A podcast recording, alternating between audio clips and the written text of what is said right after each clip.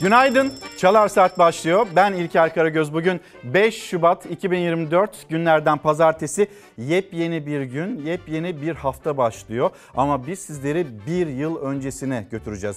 Bir yıl öncesi 5 Şubat, 6 Şubat tarihinde Türkiye'nin yaşamış olduğu büyük felaket peş peşe gelen Kahramanmaraş merkezli iki deprem ve sonrasında neler yaşadı? Neler yaşadık? 53 bin insanımızı kaybettik biz bu depremde. Sonra geride kalan bir yılda neler yaptık, neleri doğru yaptık, neleri yanlış yaptık bunu konuşacağız yeni günde. Bugün buradayız ama yarın nerede olmamız gerekiyorsa oradan yayınımızı gerçekleştireceğiz. Hem bugün hem de yarın özel bir yayınla karşınızda olacağız Çalar Saat'te. Peki siyasette bir konuşma, bir açıklama Cumhurbaşkanı Erdoğan'ın cümleleri tartışma yarattı. Bugün gazetelerin manşetlerinde de onu göreceksiniz. Merkezi yönetim ile yerel yönetim dayanışma halinde olmazsa o şehre herhangi bir şey gelmez dedi Cumhurbaşkanı. Şimdi bu itiraf mı, tehdit mi, şantaj mı, gözdağı mı siyaset onu konuşuyor. Cumhurbaşkanı Erdoğan ve şöyle devam etti. Hatay'a geldi mi o gün o saatlerde o yardımlar? Şu anda Hatay garip kaldı.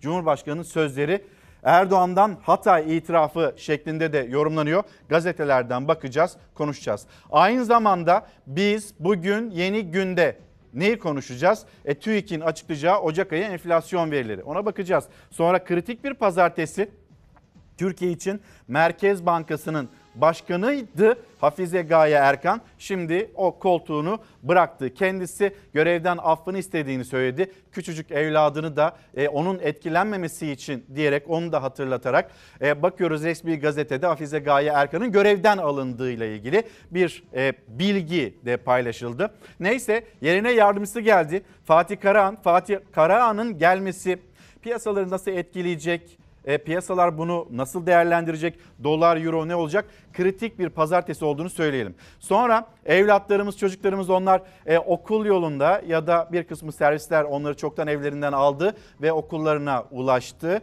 Kantinlerde durum nedir? Birinci dönemden ikinci döneme geçerken sömestrda bile gelen zamlar, geçinemeyen İstanbullu, geçinemeyen emekli, geçinemeyen işçi, üretmekte zorluk çeken çiftçi hepsi Çalar Saat'te olacak. Gündemin ben şöyle bir toparlamasını yaptım. İsterseniz memleketten haberlerle başlayalım. İstanbul'dan başlayacağız. Çıkan bir yangın var Tuzla'da. O sıcak haberle Çalar Saat başlıyor.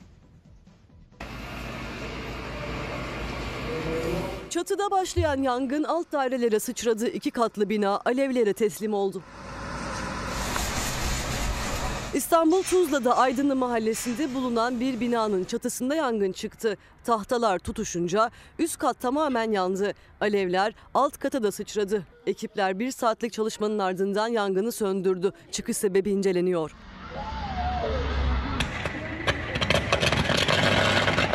Önce kıvılcımlar çıktı ardından elektrik telleri patladı. İstanbul Silivri'de Selimpaşa mahallesinde bulunan elektrik direğinde patlamalar arka arkaya yaşandı. Havai fişek gibi patlayan elektrik direği bir vatandaşın telefon kamerasıyla kaydedildi. İhbar üzerine gelen ekipler önce elektriği kesti ardından arızayı giderdi. Tokat'ta Cemalettin Mahallesi'nde sobadan çıkan kıvılcım evin çatısını tutuşturdu. Ekiplerin bölgeye hızlı ulaşması sayesinde alevler başka haneleri sıçramadan söndürüldü. Sadece çatıda maddi hasar meydana geldi. Bursa Nilüfer'de Görüklü Mahallesi'nde park halinde olan bir otomobil alev alev yandı. Araç sahibi panik halinde bağırdı su istedi. Ancak alevler suyla söndürülecek gibi değildi. İtfaiye ekipleri araçtan yükselen alevleri söndürdü. Yangının çıkış sebebi araştırılırken araçta maddi hasar meydana geldi. Kırıkkale'nin Yahşiyan ilçesinde de park halindeki bir otomobilde yangın çıktı. Ekipler tarafından söndürülen yangının çıkış sebebi inceleniyor. Mülakatı kaldıracağız. KPSS puanınıza göre atama yapacağız dediler, söz verdiler ama E bunu yapmadılar. Milli Eğitim Bakanı Yusuf Tekin çıktı. Hayır canım öyle değil dedi. Ve bunu hatırlatıyor Özlem öğretmen. Bu arada Cumhuriyet'in 100. yılı ve öğretmenlerimiz 100 bin öğretmen ataması bekliyor aklımızda ve yeri de gelmişken paylaşmış oldum. Bugünkü başlığımız asla unutmayacağız. Bugün de yarın da bu başlığı kullanacağız. Belki de bu hafta boyunca bu başlığı kullanmamız gerekecek. Benim asla unutmam dediğim konu budur demiş. Özlem öğretmenimiz de bunu paylaşmış bizlerle. Gazetelere bakalım. Hep birlikte bir gündem toparlamasıyla yine devam edelim. Hürriyet gazetesi bir yıl sonra neler gördük? Hürriyet muhabirlerinin deprem bölgesinde olduğu ile ilgili bilgi. Aynı zamanda Fox Haber, Fox Haber muhabirleri deprem bölgesinde. Yarın biz de deprem bölgesinde olacağız. Çalar Saat yarın deprem bölgesinde olacak özel bir yayın gerçekleştireceğiz. Hatay ne oldu? Ne yaşadı? Geride kalan bir yılda yardımların ne kadarı gitti? Ne kadarı e, ulaşamadı? Ya da neden ulaşmadı? İşte bunu konuşacağız özel yayınımızda. Sonra bakıyoruz yaşam yıkıntılar arasında sürüyor bir başlık. Her baba yiğidin harcı değil. Cumhurbaşkanı Erdoğan'ın sözleri. Bunu bir büyütelim mi? Her baba yiğidin harcı değil dediği nedir Cumhurbaşkanı'nın? Cumhurbaşkanı Erdoğan depremden etkilenen şehirler tamamen ayağa kaldırılana kadar durmayacaklarını söyledi. Biz söz verdiysek yaparız ama böyle yaparız. Öyle laf ola beri gele değil. Gaziantep'e işte böyle eserler yakışır. Böylesi bir felaketin altından kalkmak her baba yiğidin harcı değildir. Dünyada Avrupa'sı ve Amerika'sı dahil hiçbir ülke böyle ağır bir yükün altından bizim gibi dirayetle kalkamaz dedi Cumhurbaşkanı. Biz altından kalkabildik mi acaba 53 bin canımızı vermedik mi biz bu depremde? Avrupa Amerika Birleşik Devletleri örnek gösteriliyor. Bu örnekler ne kadar doğru? Biz üzerimize düşeni ne kadar doğru yaptık? İmar affı çıkartarak doğru yaptık mı mesela? İşte onları da konuşmamız gerekiyor. Devam edelim. Cumhuriyet Gazetesi az önce paylaşmıştım. Siyasetin gündemi haline geldi. Bir polemik konusu Cumhurbaşkanı'nın sözleri. Erdoğan Hatay itirafına depremzedeler tepki gösterdi. Oy tehdidi manşetiyle okurlarının karşısında Cumhuriyet Gazetesi. Okuyacağız, devam edeceğiz. Sabah gazetesi söz verdik mi yaparız. Şimdi sorayım size. Asla unutmayacağız ya bugün başlığımız. İktidarın verdiği her söz yerine geldi mi acaba? E bunu da hatırlatmayalım mı? Söz verdik mi yaparız. Sabah gazetesinin manşetiydi. Bir gün gazetesi bir gün gazetesinde manşette yine Cumhurbaşkanı Erdoğan sözleri ve deprem bölgesi ulaşmayan, eksik kalan yardımlar. Deprem kentlerinde tehditler savuruyorlar. İktidar şatafatlı törenler yapsa da 10 binler hala 20 metrekarelik konteynerlarda yaşıyor. Ama verilen sözler yine veril işte kısa sürede hızlı bir şekilde yapılacağı söylenen evler onlar verildi mi teslim edildi mi depremzedelere? İşte karşımızdaki durumlardan bir tanesi bu. Milliyet gazetesi konteynerdan Umut Çarşısı. Bakalım şehirler ne kadar ayağa kalkmış. 6 Şubat depremlerinde evleriyle birlikte iş yerlerini de kaybeden Hatay esnafı konteyner çarşılarda 25 metrekarelik dükkanlarında hayata tutunmaya çalışıyor. Karar gazetesi Hatay'ın günahı ne diyor. E, gazete pencere bir dilber eksikti. Evet hani bu hani anlayamadığımız bir gündeme doğru da savruluyor siyaset. MHP lideri Devlet Bahçeli'nin sözleri bir başka tartışma konusu. Diğer gazeteler ekonomi ağırlıklı onlara geleceğiz haberlerimiz hazır. Ama şöyle yapalım memlekette meydana gelmiş olan kazalar var trafik kazaları o haberleri de taşıyalım ekranlarınıza. Yakasını da kapatmış bak oturuyor. Kaç tane adamı? Bak bir tane daha geldi. Ay! Gördün mü? Çektim. Çektim. Trafikte magandalığın sonu kaza oldu. Tek ayakla ilerleyen motosikletliyle yanına yaklaşan diğer motosikletliye arkadan gelen başka bir motosiklet sürücüsü çarptı. Yakasını da kapatmış bak oturuyor. Kaç tane adamı? Bak bir tane daha geldi. Ay! Gördün mü? Çektim. Çektim. İstanbul Bahçeli Evler'de D100 karayolunda cep telefonu kamerasıyla çekildi kaza anı. Arkadan gelen araçta bulunanlar tek tekerlek üzerinde seyreden motosikletliyi görünce kayda girdiler. Trafikte magandalık yapan Evet, ayağının üstünde gidiyor motorla.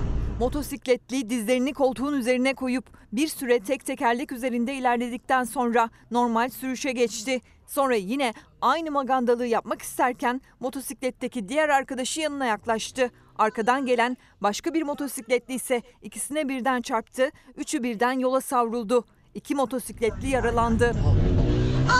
Ay! Gördün mü? Çektim. Muğla Fethiye'de ise 21 yaşındaki Econur Götür kavşaktan yolun karşısına geçmeye çalışırken beton mikserinin çarpması sonucu hayatını kaybetti. Feci kaza böyle görüntülendi.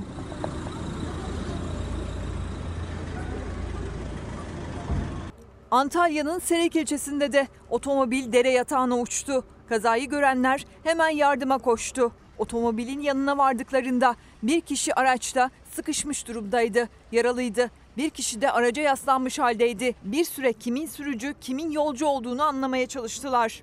İçer, içerideki şoför de dışarıdaki nereden geldi onu bilmiyorum. Bence oradan çıkmış, onun çıktığını görünce o da çıkmaya çalışmış. İki yaralı olay yerine gelen ekiplerce hastaneye kaldırıldı. Tek başınıza mı yaptınız kazayı? Başka araç olmadı değil mi? Arama biraz alkollü. İkisinde bir şey yok da birinin bacak falan kırılmış büyük ihtimalle sızmışlar. Frenle basmamış ha. Bir sıkıntı yok. Direkt uçmuşlar. Bolu'da da kavşakta iki otomobilin kafa kafaya çarpıştığı kazada 5 kişi yaralandı. Otomobil sürücülerinden birinin alkollü olduğu tespit edildi. Burdur'un Karamanlı ilçesinde kontrolden çıkan otomobil taklalar atarak şarampole devrildi. İki kişi hayatını kaybetti, bir kişi ağır yaralandı. Araçtakilerin asker eğlencesinden döndükleri öğrenildi. Mersin'in Akdeniz ilçesinde otomobil tırın altına girdi. Aracının içinde sıkışan Ömer Karadağ kurtarılamadı. İstanbul Kağıthane'de ise Tem otoyolunda yaşanan kazada motosikletli kurye hayatını kaybetti. Lastiği patladığı için emniyet şeridinde bekleyen hafif ticari araca arkadan çarpan kurye olay yerinde can verdi. Acı haberler. Başlığımız asla unutmayacağız. Muzaffer Bey göndermiş. Deprem bölgesi sıkıntılı. Halk yokluk ve yoksulluk içinde aradan bir yıl geçmiş hala yıkılmayan binalar, hafriyatı kaldırılmamış enkazlar var. İnsanlar çadırlarda yaşıyor ve siyaset, siyasetin konuştuğu konular nedir? Geleceğiz birazdan oraya. Bir kaza haberi daha o da Kayseri'den.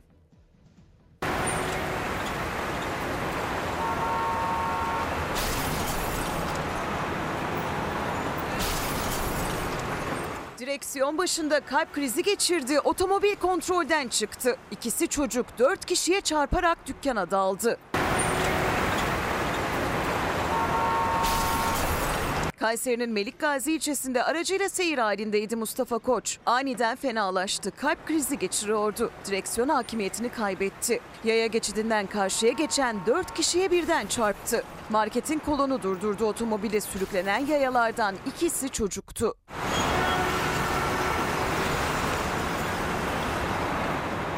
Gürültü, camlar içeri girdi, mobilyalar kırıldı. Araba daha halen çalışıyor, gaza basıyor. Arabanın kontağını komşu kapattı.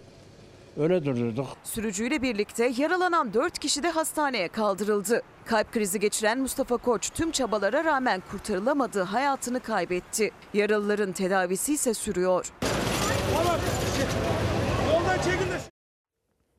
Şimdi dönelim deprem bölgesine.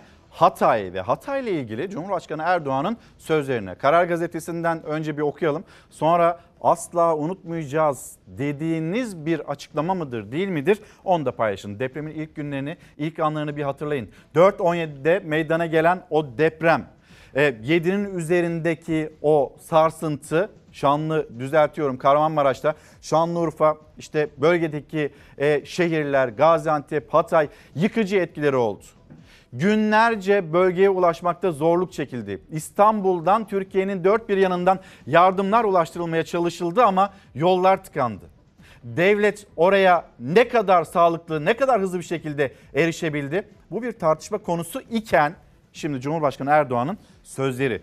Deprem felaketinde en büyük yıkımın da en fazla can kaybının da yaşandığı Hatay devlet desteğinden en az payı aldı. Hassas bir konu bir yıldır gündemden düşmezken Cumhurbaşkanı merkezi yönetim ile yerel yönetim dayanışma halinde olmazsa O şehre herhangi bir şey gelmez.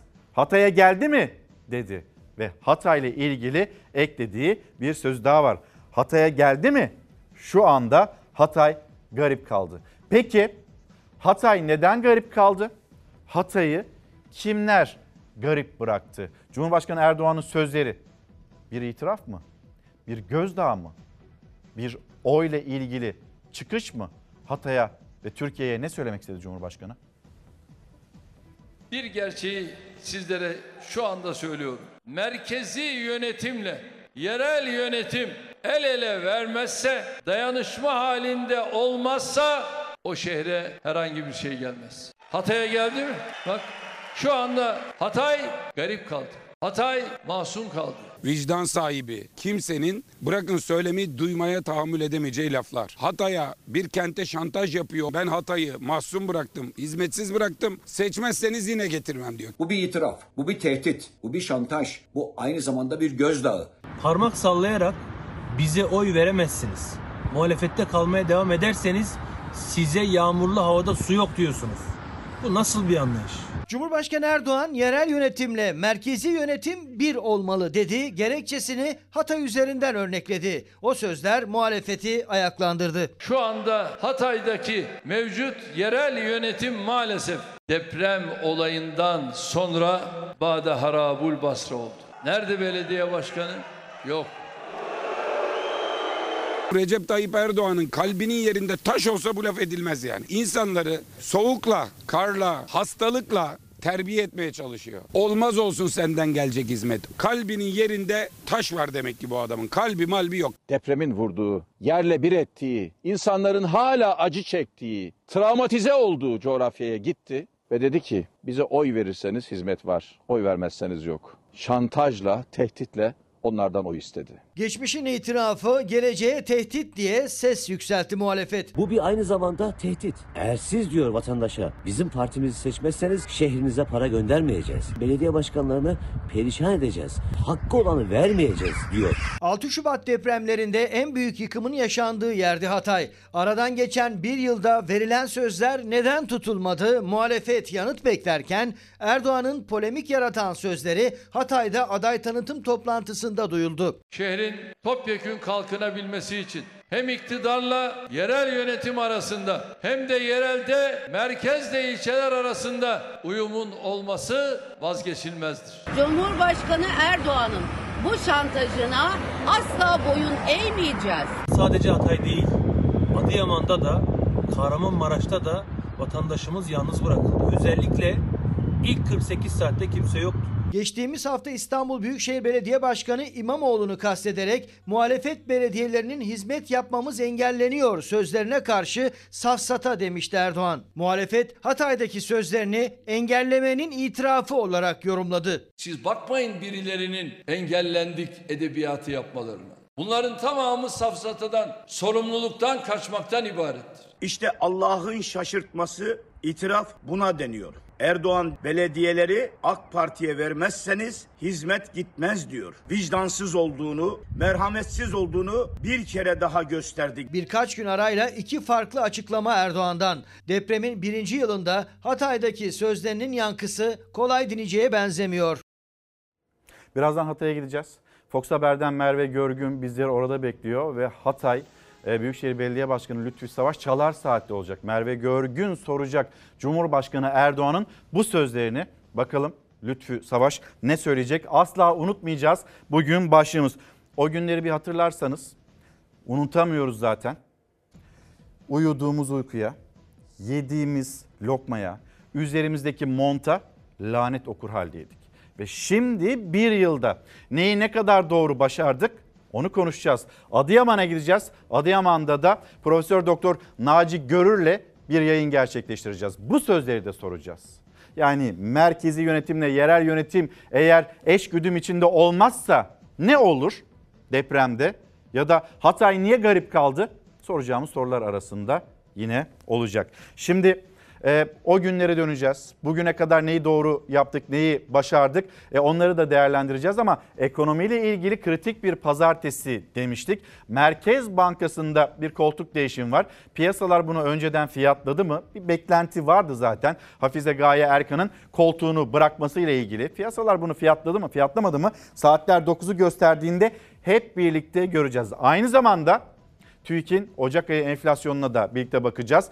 E, Merkez Bankası'nın yeni başkanı Fatih Kara e, belki de e, Mehmet Şimşek'in ilk tercihi değildi. Kulislere göre Cevdet Akçay, Mehmet Şimşek'in Hazine ve Maliye Bakanı Mehmet Şimşek'in ilk tercihiydi. Ama Fatih Karahan e, bu koltuğa oturdu. Merkez Bankası'nın yeni başkanı oldu. Böyle değerlendirmeler de yapılıyor. Ama piyasaların nasıl bir karar vereceğini saatler 9'u gösterdiğinde hep birlikte göreceğiz. Yeni Merkez Bankası Başkanı dedi ki parasal sıkılığı korumakta kararlıyız. İlk mesajı bu oldu.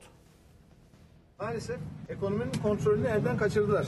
Merkez Bankası başkanlarının biri geliyor biri gidiyor. Enflasyon hedefimize uyumlu seviyelere gerileyene kadar parasal sıkılığı korumakta kararlıyız. Merkez Bankası başkanlık koltuğu sanırsın rodeo. Üzerinde daha uzun süre kalabilen yarışmayı kazanıyor. Başkan ve ekibine güvenimiz ve desteğimiz tamdır. Ekonomi programımızı kurumlar arası eşgüdüm içinde kararlı bir şekilde uygulamaya devam edeceğiz. Yeni hafta başlamadan, piyasalar açılmadan hem Merkez Bankası'nın yeni başkanı hem Hazine ve Maliye Bakanı Mehmet Şimşek'ten ekonomi programına devam mesajları peş peşe geldi. Merkez Bankası Türk Lirası mevduata geçişin desteklenmesi için yeni kararlarını da gece yarısı açıkladı. Muhalefet ise Merkez Bankası Başkanlığı koltuğundaki değişimlerin peşini bırakmıyor. Koltuğunda sadece 7 ay 23 gün kalan Hafize Gaye Erkan görevinden alındığı için maaşını 2 yıl boyunca almaya devam edecek mi? Sorulardan biri de bu. Sadece Merkez Bankası Başkanı değil, tüm kamu görevlilerinin görevden alındıktan sonra 375 sayılı KYK'nın ek 35. maddesine göre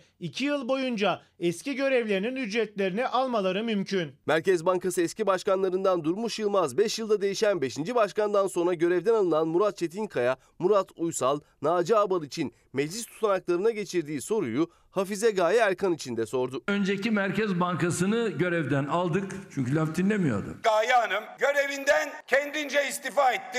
Recep Tayyip Erdoğan'a sorarsan da görevinden alındı. 5 yılda 5. başkan. Hafize Gaye Erkan'ın gidişinde pahalılık ve İstanbul'daki ev kiraları eleştirisi mi etkili oldu yoksa babasının Merkez Bankası'ndaki personele baskı ve mobbing iddiaları mı?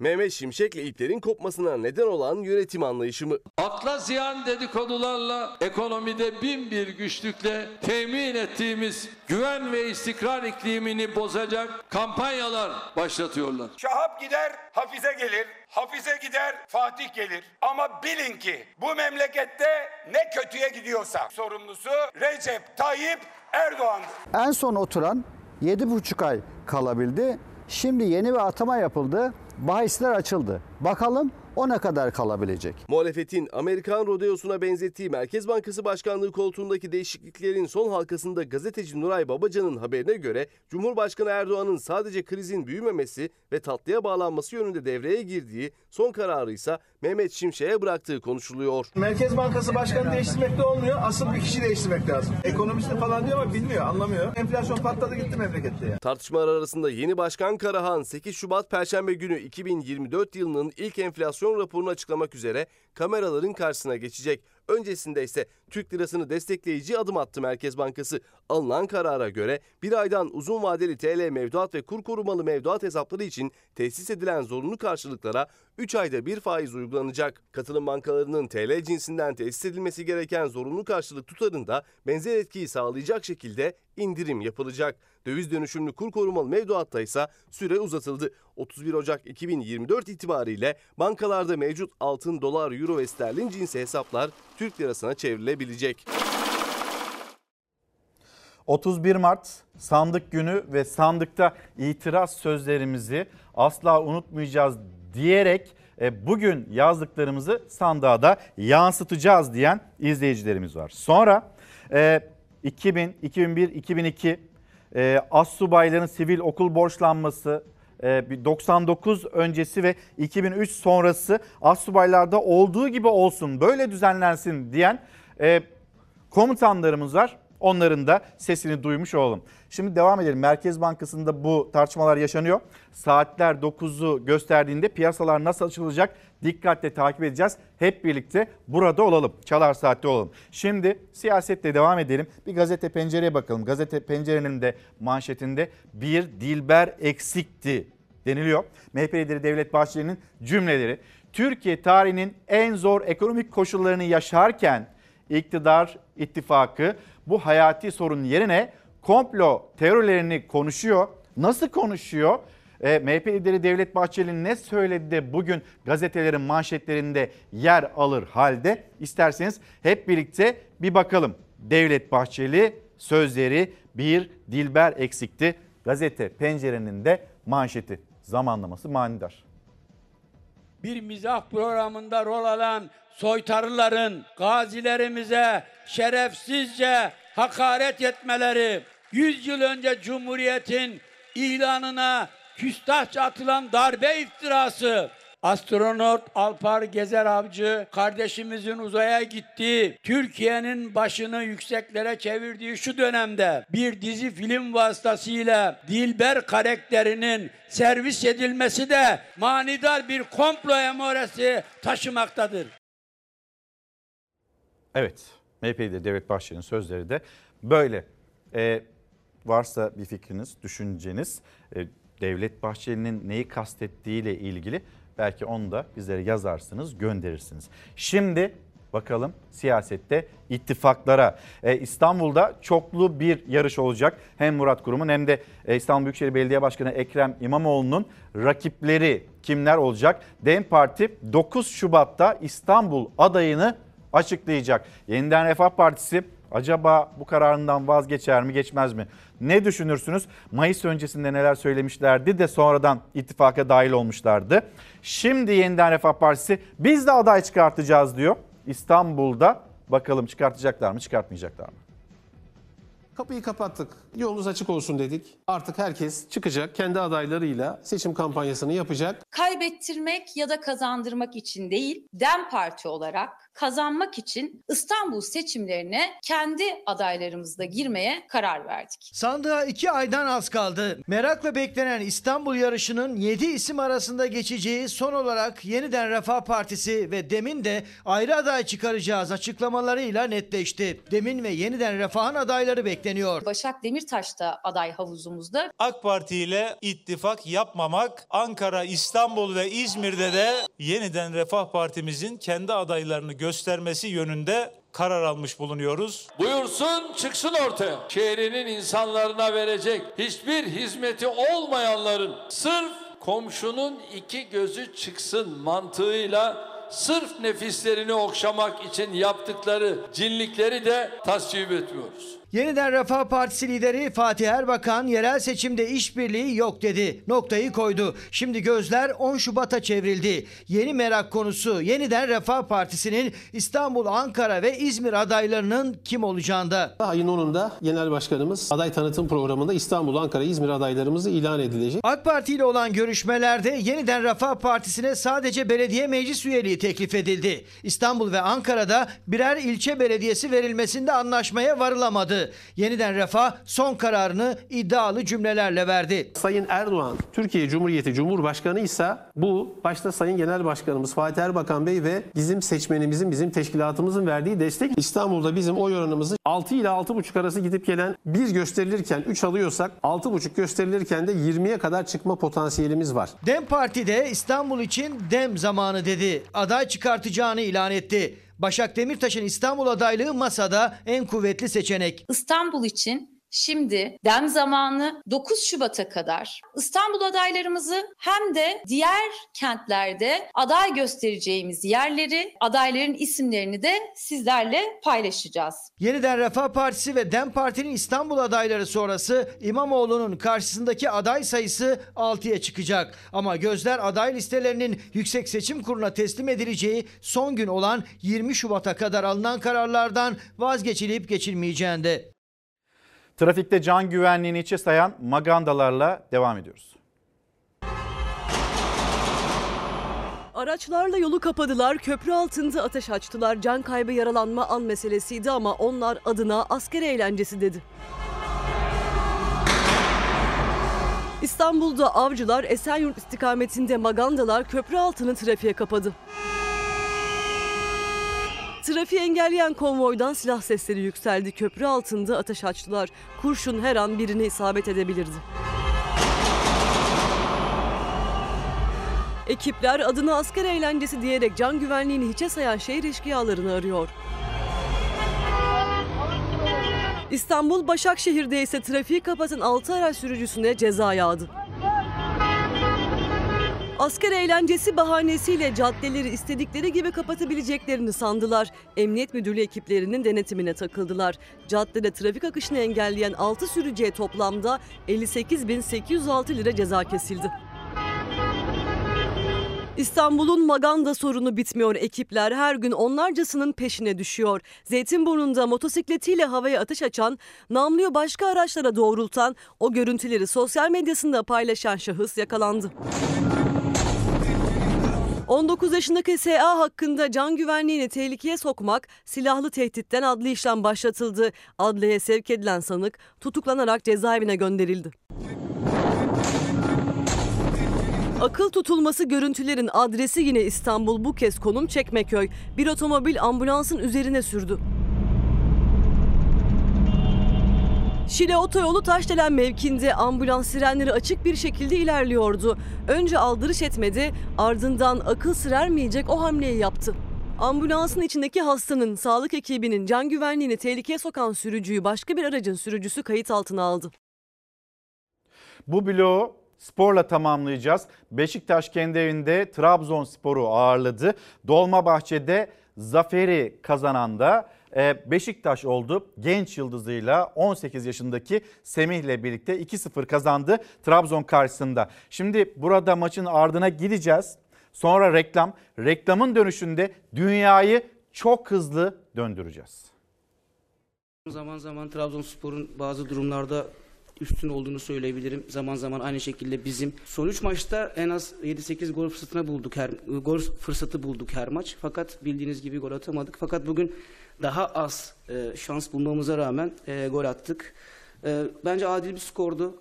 Bu maçın skoru. E, takımımızı tebrik ediyorum. E, hak ettiğimiz bir galibiyet aldık. Çok mutluyuz kazandığımız için doğal olarak. Bugün bazı hatalar yaptık ve Trabzonspor'un yakaladığı e, pozisyonlarda hep bizim basit hatalarımızdan gelen top kayıpları e, bu hatalar sebebiyle Trabzonspor e, fazla gol fırsatı buldu.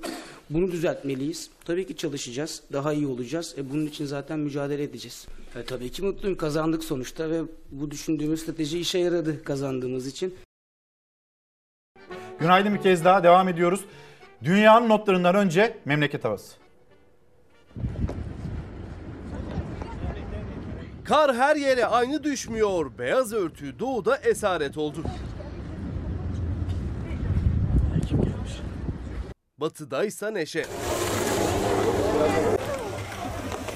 Iğdır'da günlerdir yağan kar sebebiyle köylerle bağlantı koptu. Nahir Kıran köyünde Binnaz Suçin dördüncü evladını evde doğurmak zorunda kaldı. Sağlık ekiplerinin yardımıyla. Kar kalınlığının yer yer 10 metreye ulaştığı yer Hakkari. Yüksekova'da yolları kar nedeniyle kapalı olan köylere günler sonra ulaşım sağlandı. Ağrı Doğu Beyazıt'ta ise bir evin damı karın ağırlığını daha fazla taşıyamadı çöktü. Bir kişi son anda kurtuldu. Araçların mahsur kaldığı yer Siirt. Ve Van. Uludağ'a düşen kar turizmciyi de tatilciyi de sevindirdi. Meteorolojidense havanın batıda mevsim normallerinin üzerine çıkacağı haberi geldi. Ve şimdi Çağlar Saat Bülten sorumlusu Zafer Söken yanımızda. Dünyayı çok hızlı döndüreceğiz dedik. Zafer Söken dünyanın notlarıyla yanımızda. Günaydın. Beklediğimiz bir yolcu var. Tüm Türkiye'nin beklediği Alper Gezer Avcı Türkiye'nin ilk astronotu Dönüşü ikidir ertelendi çünkü hava muhalefeti nedeniyle Meksika körfezine, körfezine inecek onu taşıyan kapsül, onu ve beraberindekileri taşıyan kapsül ancak hava muhalefeti nedeniyle o dönüş en erken salı günü yapılabileceği açıklandı. Dönüşü 13 saat sürecek yani çarşambaya sarkabilir yani yolculukla beraber çarşamba günü burada olabilir. 7 potansiyel iniş noktası var onlardan birine inecekler. Kapsül suya indikten sonra gemiye alınacak gemiden helikopterle Houston'a gelecekler ve ardından tabii Türkiye'ye doğru e, yola çıkacak. Alper Gezer Avcı güveç özledim demişti. Annemin güvecini özledim demişti. Ona birkaç gün e, rötar gelmiş oldu bu durumda. Ama söylediğim gibi salı günü o dönüşleri bir aksilik olmazsa, bir hava muhalefeti olmazsa salı günü dönüşe geçecekler. Sağlıkla gelsinler. Sağlıkla gelsinler. 13 saatlik yolculuğun ardından da dünyaya inecekler. Sadece uzayda değiliz, Antarktika'dayız da aynı zamanda. Türk bilim insanları da 90 saatlik yolculuğun ardından Antarktika'ya gitti. E, TÜBİTAK destekli bir proje kapsamında. Onlar da 22 bilimsel çalışmaya imza atacaklar kutuplarda, Antarktika'da. Yanlarında da bu arada 3 lise öğrencisi var. Bu da çok umut verici bir paylaşım. O lise öğrencilerinin de geliştirdiği bir proje vardı. Giyilebilir teknoloji alanında kutuplarda giyilebilecek mont üretti o 3 lise öğrencisi ve o da şimdi ilk kez orada Antarktika'da canlı canlı denenecek. Öğrencilerin geliştirdiği o mont e, nasıl tepki veriyor, nasıl reaksiyon veriyor, sıcak tutuyor mu, nasıl sıcak tutuyor bilim insanları için onu deneyecekler. 3 lise öğrencisi de Antarktika'da Türkiye adına deneylere imza atacak Şimdi saat ekipte. farkıyla nasıl olur e, bilemiyorum ama bir sabah Çalar Saat'te Antarktika'ya bağlantıyı deneyelim. Burada TÜBİTAK'la da TÜBİTAK'taki yetkililerle de görüşelim. Oradaki bilimsel çalışmalar nedir? Niçin orada o ekip Antarktika'yı da Çalar Saat'te sizlere göstermeyi isteriz. Devam edelim. Deneyelim. Bir sıcak gelişme var. Suriye'de e, İran destekli gruplar Amerikan üstüne saldırdığı bilgisi geldi. Amerikan henüz bir açıklama yapılmadı ama can kaybı, Amerikan askerlerinin can kaybı olmadığına dair bir açıklama da var. Bu bölgede bir gerilim var. Ürdün'de, Irak'ta, Suriye'de, işte Yemen'de. İç, özür dilerim, Dışişleri Bakanı Hakan Fidan dün akşam saatlerinde bir açıklama yaptı. Durum iyi değil dedi. Onun sesi var dinleyip ondan sonra devam Dinleyelim. edebiliriz. Bu ateşle oynamak. Yani ateşle oynadığınız zaman e, o ateş her an için yangına dönüşebilir. Kontrol altına alınamayabilir. Burada böyle bir riskle karşı karşıyayız. Yani bu kontrol altına alınamamazlık meselesi e, bir e, tehdit olarak karşımızda duruyor. E, bunu bizim e, yani Türkiye olarak e, bölgesel ortaklarla da sürekli görüşüyoruz. E, Amerikalılarla da görüşüyoruz. Yani e, bölgesel yayılmadan kaçınmak lazım.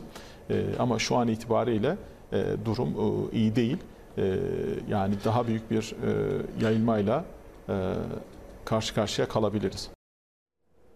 Ateş her an yangına dönebilir. Durumlar iyi değil diyor Dışişleri Bakanı Hakan Fidan. O kontrollü gerginlik kontrolden çıkabilir uyarısı da var Hakan Fidan'ın. Yine Hakan Fidan'ın burada bir açıklaması vardı. Türkiye Mısır'a insansız hava aracı satabilir diye görüşmelerin devam ettiğini Hakan Fidan açıkladı. Bir kulis bilgisi daha Cumhurbaşkanı Erdoğan'ın 14 Şubat'ta Mısır'a gideceğine yönelik bir e, bilgi var şu an için. Henüz 14 resmi olarak Şubat'ta. açıklanmadı ama e, 14 Şubat'ta özellikle e, Gazze konusunda Gazze'liler oradan refah sınır kapısı üzerinden Mısır'a geçiyor. Onların durumu konusunda bir görüşme yapmak üzere ve bu arada yine Şubat ayının ikinci haftasında Putin'i bekliyoruz. Putin de Ankara'ya gelecek.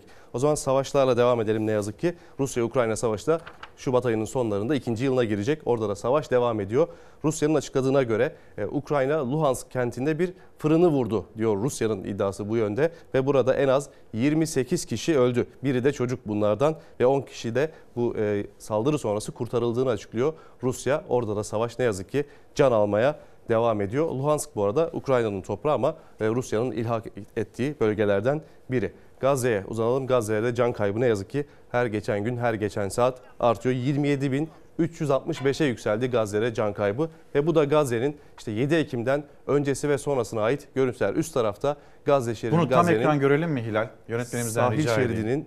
Görüntüsü işte nasıl canlı bir yer, binalar ayakta, hayat normal gibi. Gazze aslında yıllardır Savaş yeri ama burası. e, savaşın ardından işte Gazze'nin geldiği halde bu durumda. Bu arada Gazze Sağlık Bakanlığı'nın ve Birleşmiş Milletler'in yaptığı açıklamalar bu gördüğümüz, altta gördüğümüz enkazlarda hala insanların e, cansız bedeni duruyor ve biz bunları kurtaramıyoruz. Yani cansız bedenlerini çıkaramıyoruz oradan. Çünkü İsrail güçleri bu çalışma arada saldırıyor diye Gazze'den gelen ne yazık ki açıklamalar var. Orada da savaş devam ediyor. Şili'de ise bir orman yangını vardı. Dün akşam ana haberde 50 civarındaydı can kaybı ama o can kaybı arttı 99'a yükseldi. 99. İzleyelim. ¿Hay alguien aquí? Rüzgarın etkisiyle yayılan alevler yerleşim yerlerine sıçradı. Şili'de orman yangını faciaya dönüştü. 99 kişi yaşamını yitirdi. Ülkede ulusal yas ilan edildi. Yaz mevsimini yaşayan Şili bugüne kadarki en ölümcül orman yangınıyla mücadele ediyor. Yangın iki gün önce turistlerin rağbet gösterdiği sahil bölgesi Valparaiso'da çıktı. Alevler rüzgarın etkisiyle hızla yayıldı. Yangın kısa sürede bölgedeki yerleşim yerlerini sardı. Evler, otomobiller yandı. İtfaiye ekipleri ve ordu kasabalarda yaşayanları tahliye etmeye başladı. Devlet Başkanı Gabriel Boric yangın nedeniyle ülkede olağanüstü hal ilan etti. Durumla başa çıkmak için tüm kaynakları kullanacaklarını söyledi. Yangın 3 şehre doğru hızla yayılıyor. Arama kurtarma ekipleri afet bölgesine ulaşmakta güçlük çekiyor. Faciada şu ana kadar 99 kişi yaşamını yitirdi. Başkan Boric, koşullar göz önünde bulundurulduğunda can kaybı artacaktır dedi. Ülkede ulusal yas ilan edildiğini açıkladı. Dünyanın notlarını aktarmaya devam edecek Zafer Söken. Şimdi Cumhurbaşkanı Erdoğan'ın yurt dışı temasları ile ilgili bir takvim var. O da açıklandı.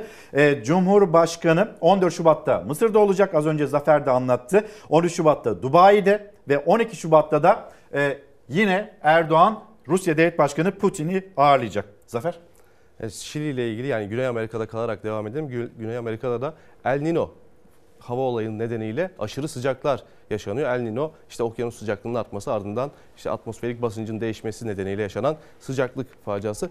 Ee, Brezilya'da sıcaklık 42 derece ama hissedilen sıcaklık 60 dereceyi buldu. Rio de Janeiro'da özellikle insanlar bunalınca sahillere de akın etti. Burada sadece Brezilya değil Arjantin, Kolombiya, Şili yani neredeyse bütün Güney Amerika kıtasında e, iklim Felaket değişikliği boyutunda. Tabii iklim değişikliği sebebiyle birlikte aşırı sıcaklar yaşanıyor. Bu El Nino nedeniyle de zaten 3-5 yılda bir bu aşırı sıcaklar yaşanırken buna bir de e, iklim değişikliği, iklim felaketi eklenince durum işinden çıkılmaz bir hal almış durumda Güney Amerika'da. O zaman aslında Çalar Saat izleyiciler hatırlayacaktır.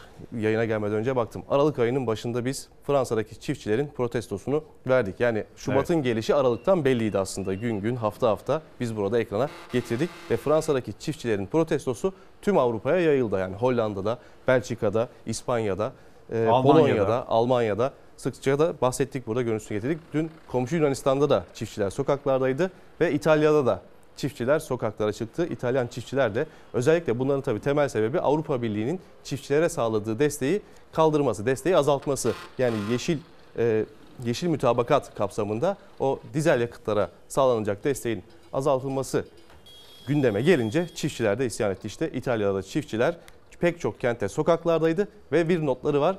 Roma'yı işte kapatabiliriz. Nasıl çiftçiler Fransa'da Paris'i abluk altına aldı. Paris'e giden yolları kapattı. İtalyan çiftçilerin de açıklaması Roma'ya giden yolları kapatabiliriz yönünde. Roma dediğimiz yer o e, ülkenin İtalya'nın can damarı ve bütün başkenti. dünyanın geldiği yer aynı zamanda turizm gelirlerini de etkileriz. E, biz eğer gözetilmezsek diyor İtalya'da çiftçiler. Fransa'da çiftçiler istediklerini aldı bu arada.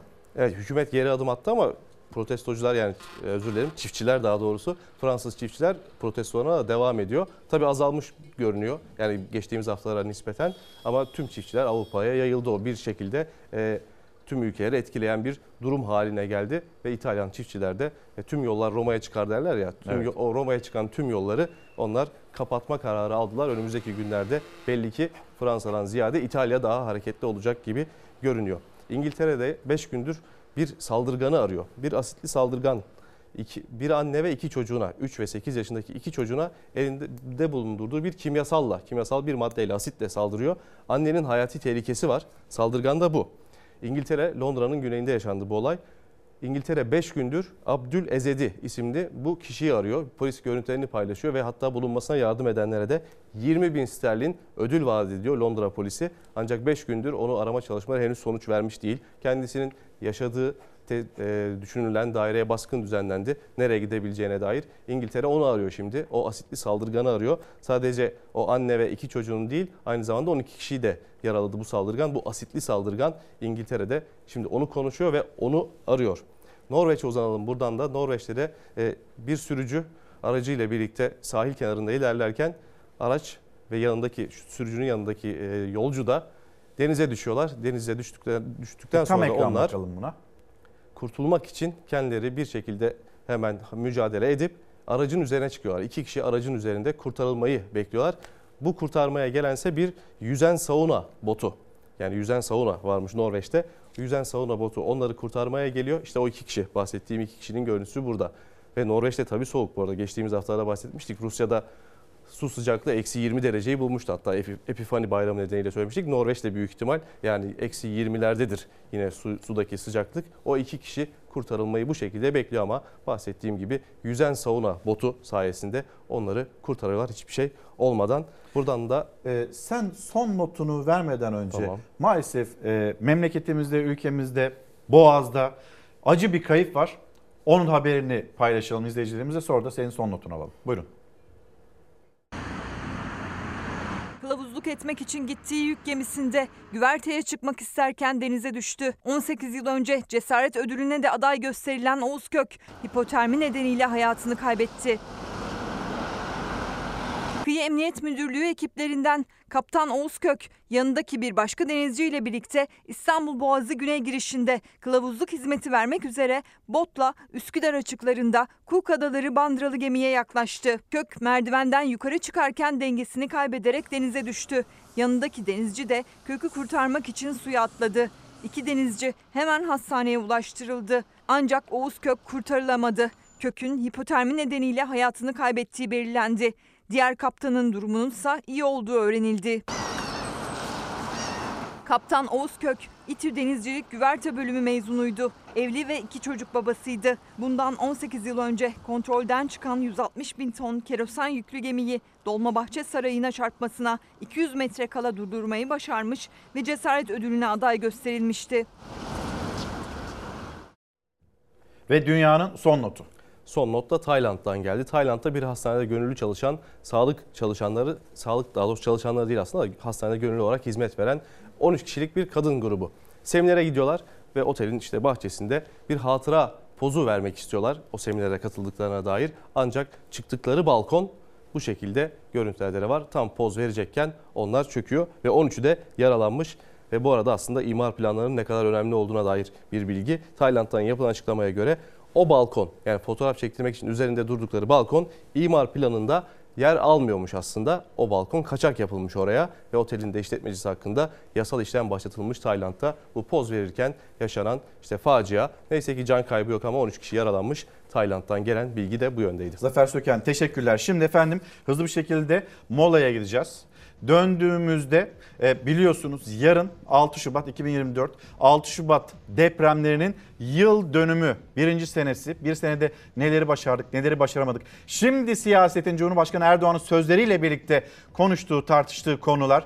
Deprem bölgesine gideceğiz. Bugün de yarın da özel bir yayınla karşınızdayız. Karşınızda olmaya devam edeceğiz. Reklamların ardından kesintisiz, soluksuz, uzun bir çalar saat sizleri bekliyor. Ve Profesör Doktor Naci Görür çalar saatte olacak.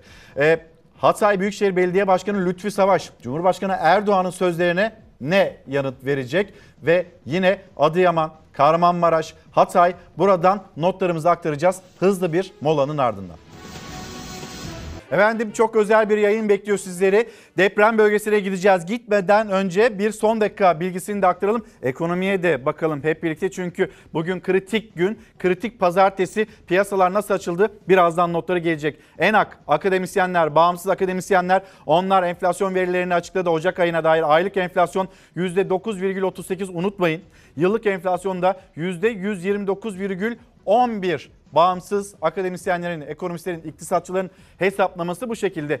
Bir de saatler onu gösterdiğinde TÜİK'in Ocak ayı enflasyon verisini öğreneceğiz. Bakalım TÜİK kaç olarak hesaplayacak ve bunu Türkiye'ye, dünyaya ilan etmiş olacak. Hemen madem ekonomi dedik, ekonomiyle yine ilerleyelim. Sizleri e, kantinlere götürelim. Çocuklarımızın okullarına ve kantinlerine öğrenciler ders başı yaptı. Onlar da işte böyle içleri ezildiğinde, karınlar acıktığında bir simit bir süt almak istediklerinde karşılarında ne kadarlık bir bütçe var? Anneler babalar ne yapacaklar? Bunu da değerlendirelim. İkinci dönem kantin tarifesi açıklandı. İstanbul'da kantinde satılan simide de, poğaçaya da, ayrana da, süte de, tabildota da zam geldi. Ne kadar zam geldi? Buyurun izleyelim. Gün 20 lira almak istiyor. Çünkü tost okulda çok pahalı ve e, biz de kızıyoruz. Bir tost ediyor. Baban ne diyor?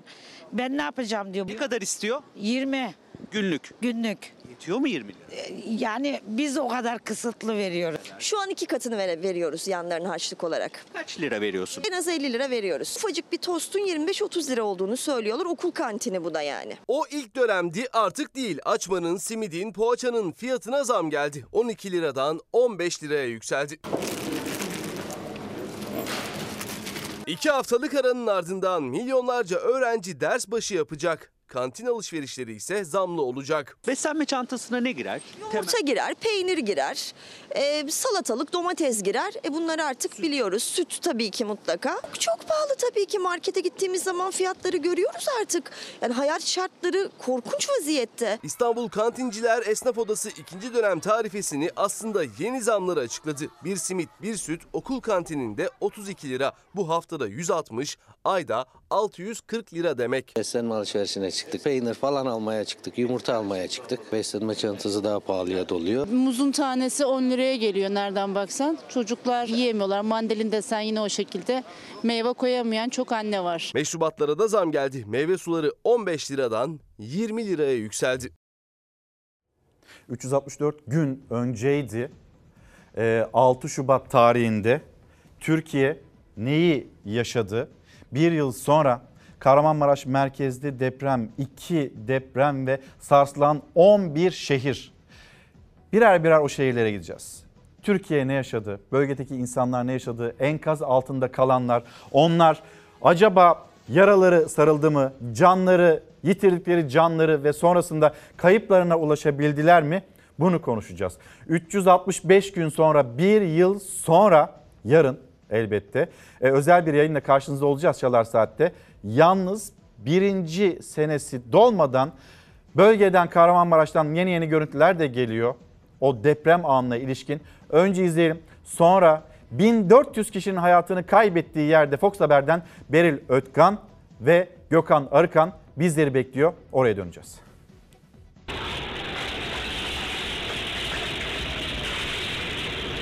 İşte Kahramanmaraş'ta 1400 kişiye mezar olan Ebrar sesi ve o en acı an.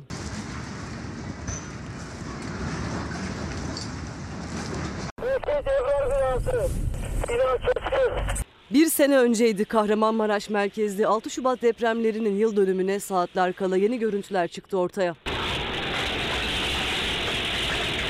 7,7 büyüklüğündeki ilk depremin ardından başta Ebrar sesi 11 ilde on binlerce bina yerli bir oldu. Resmi verilere göre 53 binden fazla kişi hayatını kaybetti. Binden fazla insana mezar olan 22 bloklu Ebrar sitesi aslında kentsel dönüşüme girmesi gerekiyordu ama alınmadı.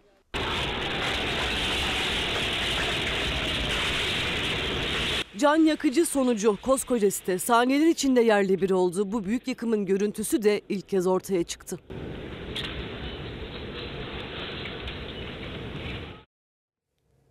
Fox Haber'den Beril Ötkan ve yine Gökhan Arıkan, kameraman Gökhan Arıkan şu anda Kahramanmaraş'ta ve Ebrar sitesinin hemen kıyısındalar. Beril söz sende, seni dinliyoruz. Evet 1400 kişiye mezar olan Ebrar sitesinin alanındayız. Tabii ki burası 22 bloktan oluşan çok büyük bir alandı. Karşısında da kapatıldığı için şimdi kameraman arkadaşım gösteremeyecek. Ama karşısında da bloklar vardı ve bugünse tamamının yıkıldığını görüyoruz. Bir tane bina kalmış o da Ebrar sitesine ait değildi ama ağır hasarlı o da yıkılacak herhalde.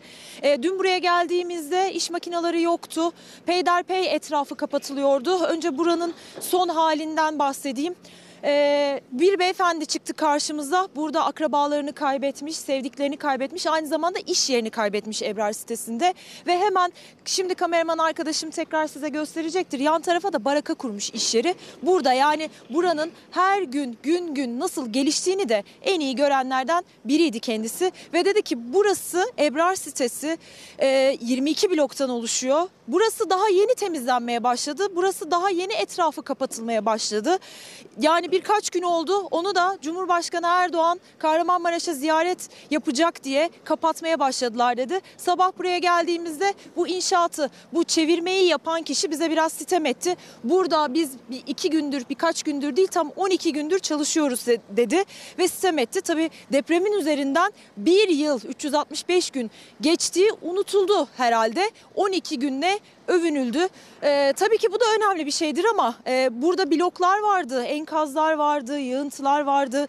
Burada halk sağlığını tehlikeye atan bir sürü durum vardı. Ee, hala da var. Demir yığınları, e, sarkan demirler, betonlar, büyük çukurlar. İşte e, 12 gün önce kapatılmış bu alan. Bununla övünüldü ve bize de kızıldı.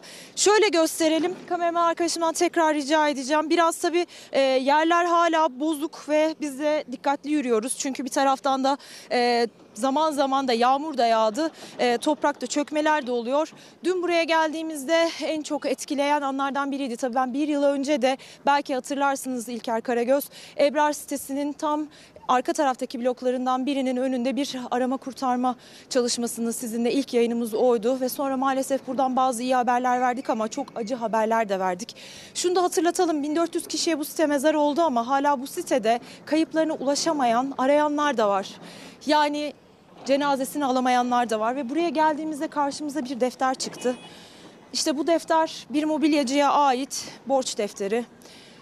Yani burada çalışmalar hala devam ediyor bir yılın sonunda. Bu da onlardan birinin göstergesi. İsimler, rakamlar, borçlar alt alta sıralanmış ve ilk aklımıza gelen e, acaba burada ölenlerin can borcu ödenecek mi? Suçlular cezasını alacaklar mı? Yine yarım kalan hayatlardan bir kare işte bir dantel oyası o da burada bütün bu tozun toprağın enkazın arasında. Tabii eşyalar neyi anlatır? Yitip giden hayatları anlatır. O acıyı anlatmak da bizim dilimiz dönmez ama işte bunlar sadece birer göstergesi. 22 bloktan oluşan binlerce insanın yaşadığı Ebrar sitesi. Battaniyeler yerde, enkazların arasında yitip giden canlar gibi bir yıl geçmesine rağmen o ölen insanların sevdiklerinin hayatlarında nasıl izi o acı hiç geçmeyecekse sanki onu anlatır gibi işte o izler de burada kalmış o eşyalar.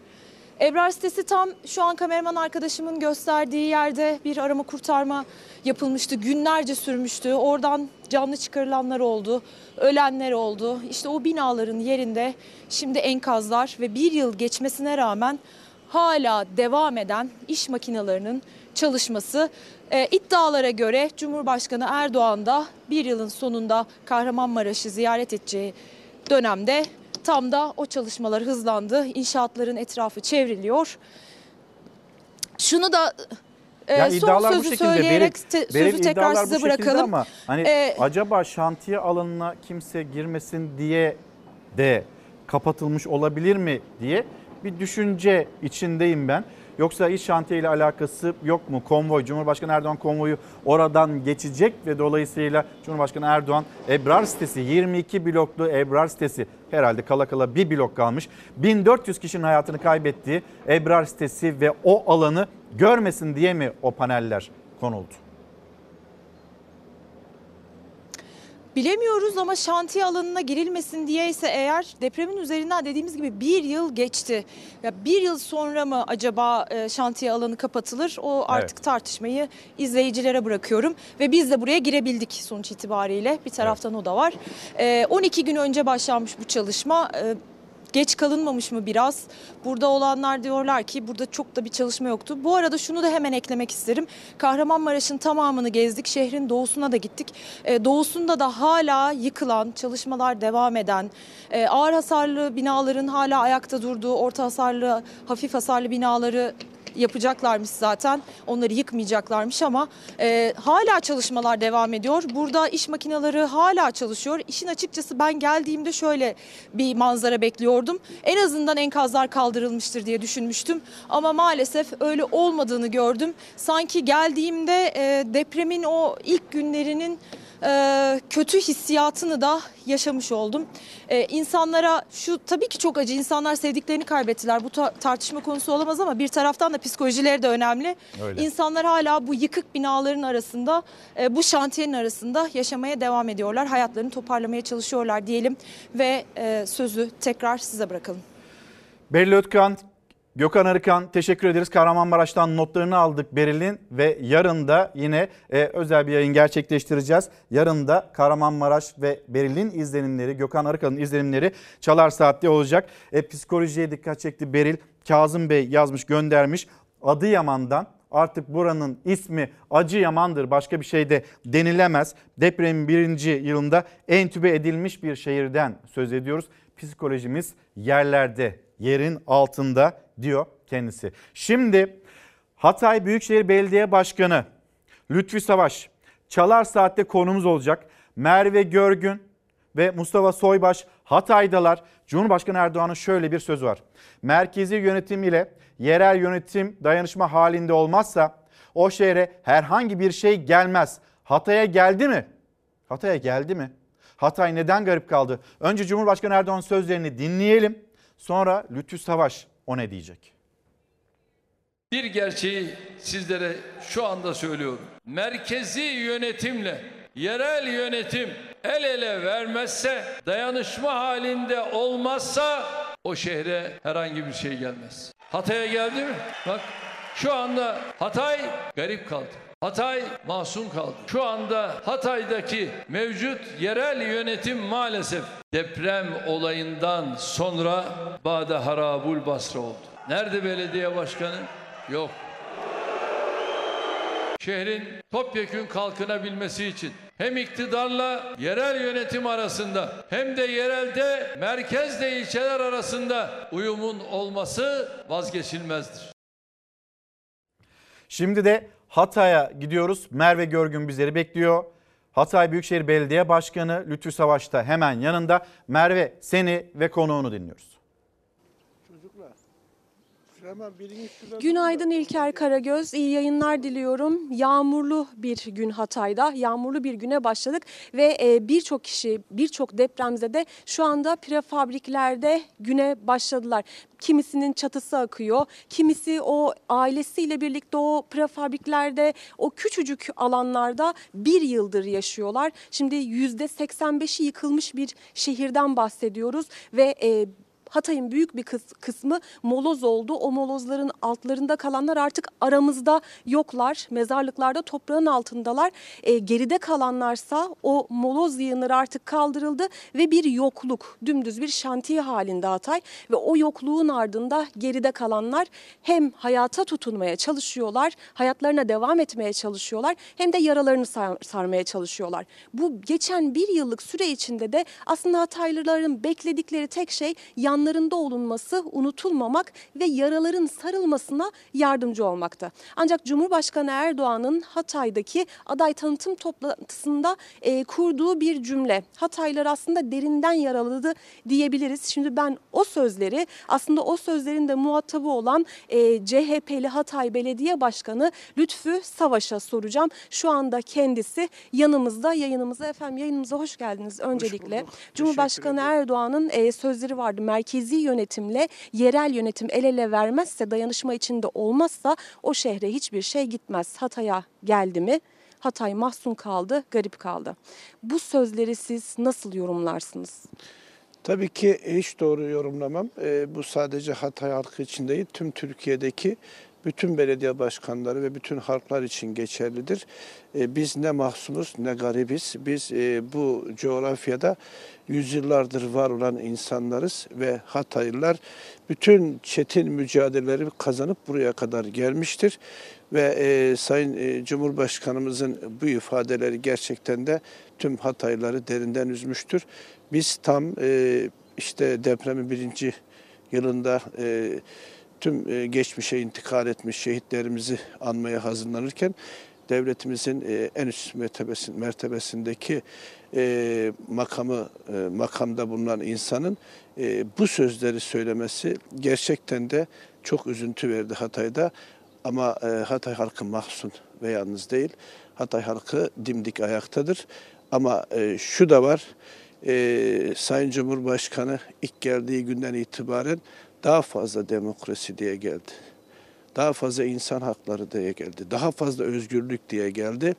Geldiğimiz noktada kendinden olmayan bir siyasi partinin yönetimindeki bir, yönetimindeki bir şehre bile e, gerçekten de bu sözlerle hitap etmesi sadece Hatay halkını üzmemesi lazım. Tüm Türkiye'deki demokrasiye aşık insanları üzmesi lazım.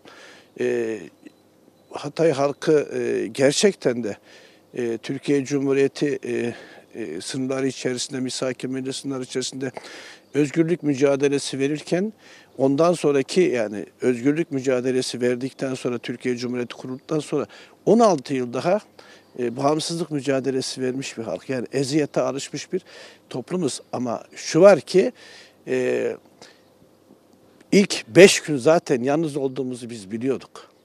Bu kadar insanımızın hayatını kaybetmesi gerçekten de çok üzdü bizi. Ama biz hep buradaydık ve Hatay halkıyla beraberdik.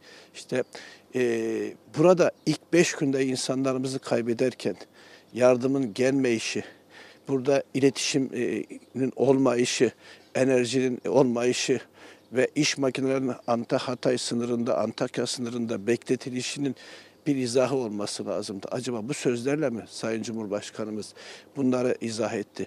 Bir de ben buradayım, başkan nerede diye sordu. Ben de buradaydım ama davetsiz giden mindersiz oturur. Biz davet edilmemiştik.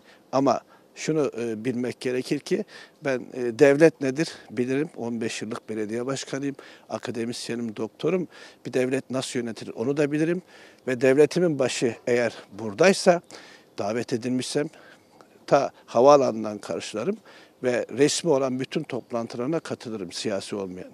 Ama şu bir gerçek ki daha fazla demokrasi, daha fazla özgürlük ve daha fazla eşitlik için gelindi. İki defa anayasa değiştirildi. Herhalde bir daha değiştirilecektir.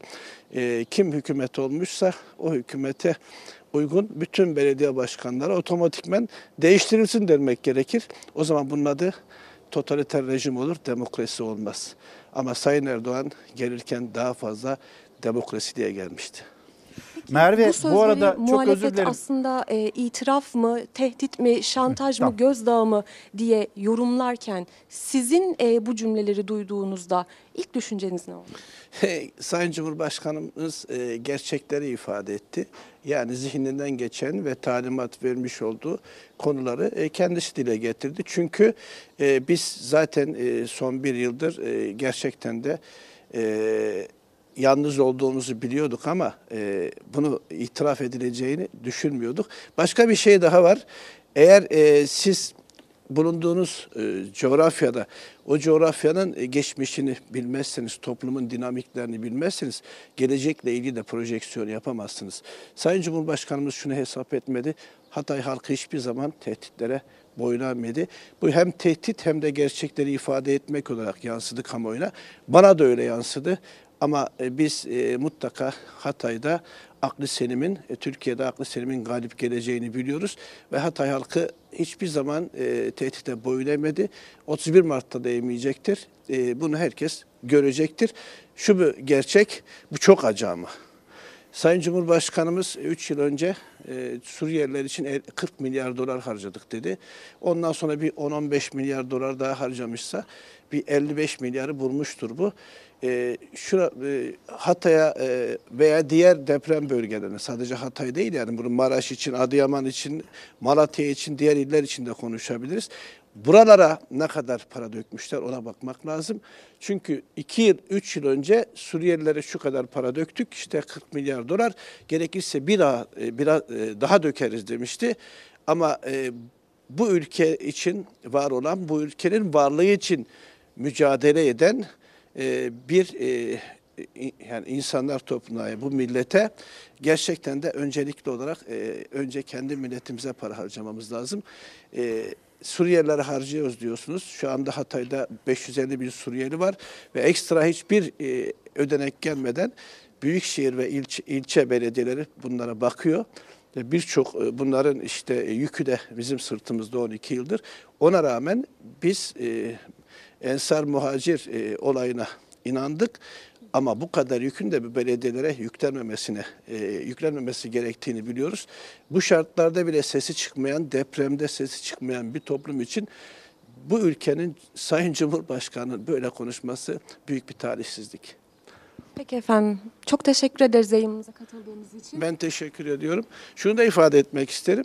Ee, şimdi bu kadar eğer imkan vermişlerse Adıyaman'a, Malatya'ya, e, Kahramanmaraş'a ve şu anda Hatay o üç, o bütün o daha yani bizden daha az yıkılıp da e, şu anda mücadele veren e, illerde bizim kadar derlenip toparlanmadılar. Ama biz burada başarılıyız belediye olarak. Biz ilk dakikadan itibaren sadece 3 günde 3800 kişiyi kurtardık. O kadar perişan haldeyken ölülerimiz olmasına rağmen e, bizler de yıkık altında kalmamıza rağmen hiç burayı bırakmadık. Biz e, hala, hala halk nezdinde gerçekten de anketlerde bir numarayız. Ama Sayın Cumhurbaşkanı Malatya'yı, Kahramanmaraş'ı, e, e, şey Adıyaman'ı birçok belediyesi, belediye başkanını değiştirdi. E, önce e, şeye bakmak lazım, kendi ailesindeki defeklere bakması lazım.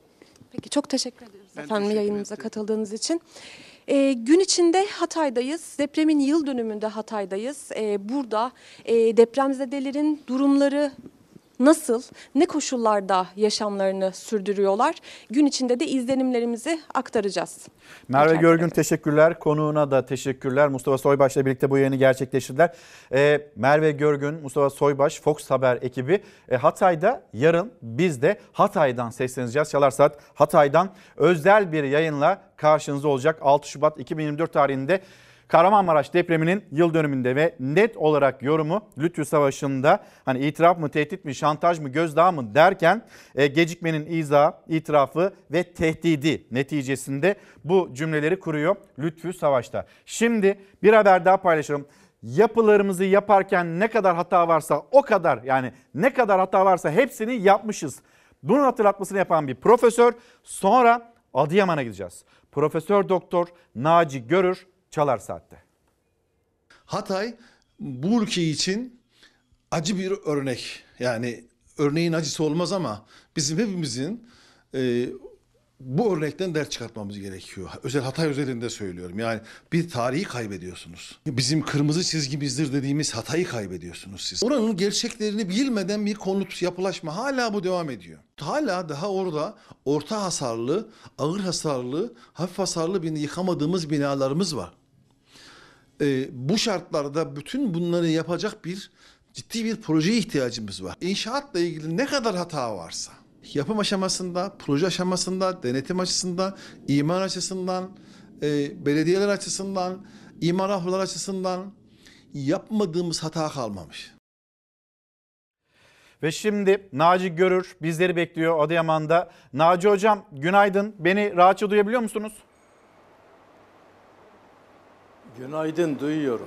Hocam depremin neredeyse birinci yıl dönümü bir gün kaldı ve şu anda siz de Adıyaman'dasınız. Bir farkındalık için buradasınız. Zaten Çalar Saat'te birlikte sizinle dikkat çekmeye çalıştık. Deprem dirençli kentler, işte yerel seçim yaklaşıyor. Yerel seçim yaklaşırken sizlerden, o isteyenlerden siz de bunu isteyin diye defalarca söylediniz, anlattınız. Şimdi şimdi mi duyuluyor? Nasıl yorumluyorsunuz? Deprem demek özellikle İstanbul'da bir deprem demek. Beka meselesi, bayrak meselesi cümlelerini şimdi şimdi mi daha güçlü duyuyoruz? Nedir düşünceniz? Ee, yani bu son zamanlarda özellikle 6 Şubat'tan bu yana e, memlekette bir deprem farkındalığı oluştu diyebilirim.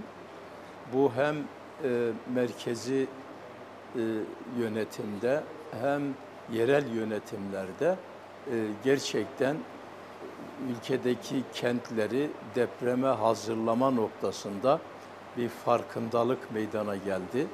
Ee, bizim birlikte başlattığımız e, ülkedeki kentlerimiz deprem dirençli olsun, el birliğiyle bunu başaralım, depremde insanlarımız ölmesin kampanyasına e, bugüne kadar 140'ın üzerinde yerel yönetim adayı veya aday adayı veya belediye başkanı söz gelimi Ankara Belediye Başkanı da dahil, e, İstanbul Büyükşehir Belediye Başkanı ve adayları da dahil yani Sayın Murat Kurum da dahil e, birçok e, belediye başkanları insanlarımız ölmesin kampanyasına girerek biz de göreve geldiğimiz takdirde ülkeyi deprem dirençli yapacak her türlü çalışmanın içinde olacağız dediler. Hocam Söz verdiler. siz zaten Bunların bu yüzden siyaset üstü bir konudur. Hani siyaset ve siyasetçiyle e, yan yana getirmeye çalışmasınlar diye bir itiraz sesi de yükseltiyorsunuz. Geçtiğimiz günlerde gazetelerde sizin ve Murat Kurum'un bir fotoğrafını gördük. Sanki hani böyle Murat Kurum'a özel bir danışmanlık veriyor gibi de anlatan, izah etmeye çalışanlar oldu ama işin aslı öyle değil. İşin aslını siz anlatmak ister misiniz? Şi- tabii şimdi bunu kullanmak isteyenler olabilir. Onlar da belki iyi niyetle yapıyorlardır ama Sayın Kurum bana danışmanlık teklif etti. Ee, aynı şekilde e, e, yani Sayın İmamoğlu da e, ona da danışmanlık yapıyorum.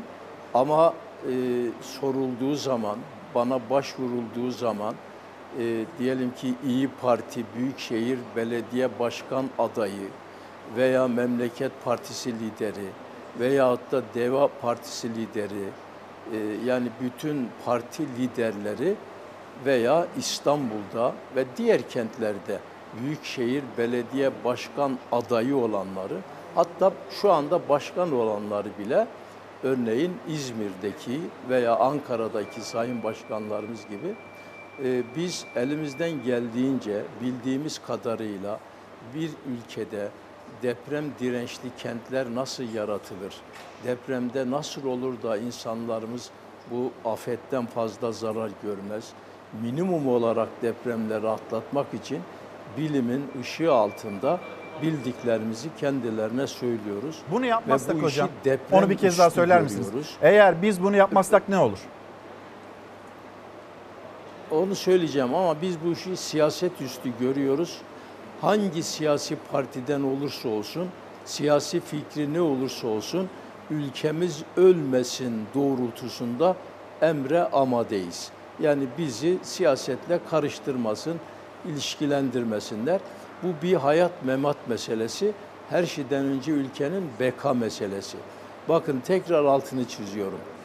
Eğer biz bu depremlerle ilgili gerekeni yapmazsak, son 13 milyon seneden beri devam eden bu depremler daha milyonlarca sene devam edecek.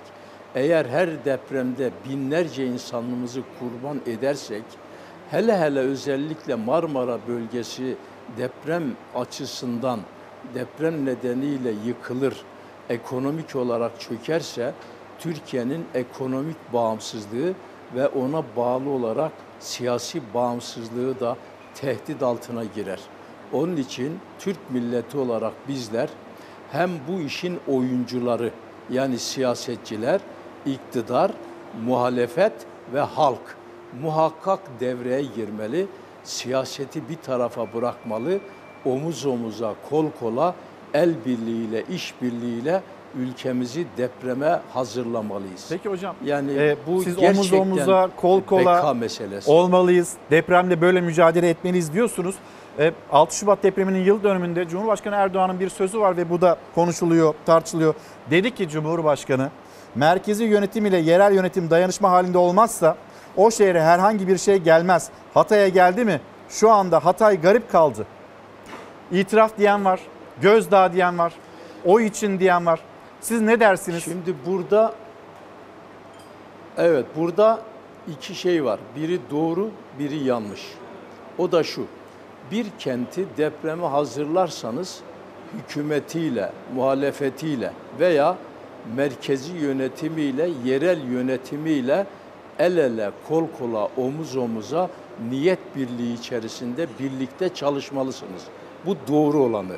Yanlış olanı eğer siz bizim bizi desteklemez iseniz veya bu işi siyasete alet ederseniz yani benimle olursanız ancak destek alırsınız. Aksi halde alamazsınız. Yanlıştır. Ve ben umarım ki Sayın Cumhurbaşkanımız bunu bu şekilde ifade etmek istememiştir.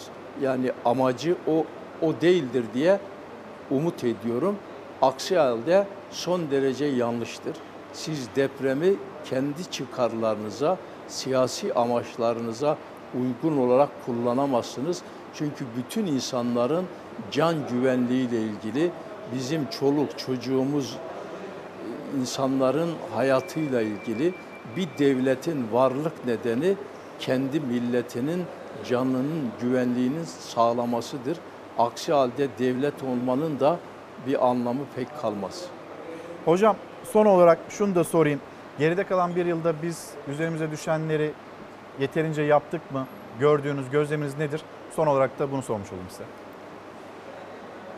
Yani biz yeterince yapmadığımız kesin. Yani zaten bu 6 Şubat depremlerinde eğer biz uyarıldığımız halde 99'dan bu yana ciddi olarak çalışsaydık merkezi yönetim ve yerel yönetim ve halk olarak biz üzerimize düşeni yapmış olaydık zaten bu kadar insanı biz kaybetmezdik. Bu bizim ayıbımız, bize yakışmayan bir durum. Dünya milletleri arasında da bu hoş görülen bir durum değildir.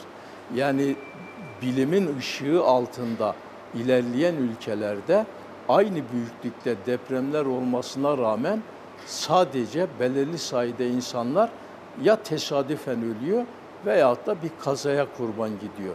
İşte son Japonya'da deprem 7.6 büyüklükte en fazla 200 kişiyi kaybettiler.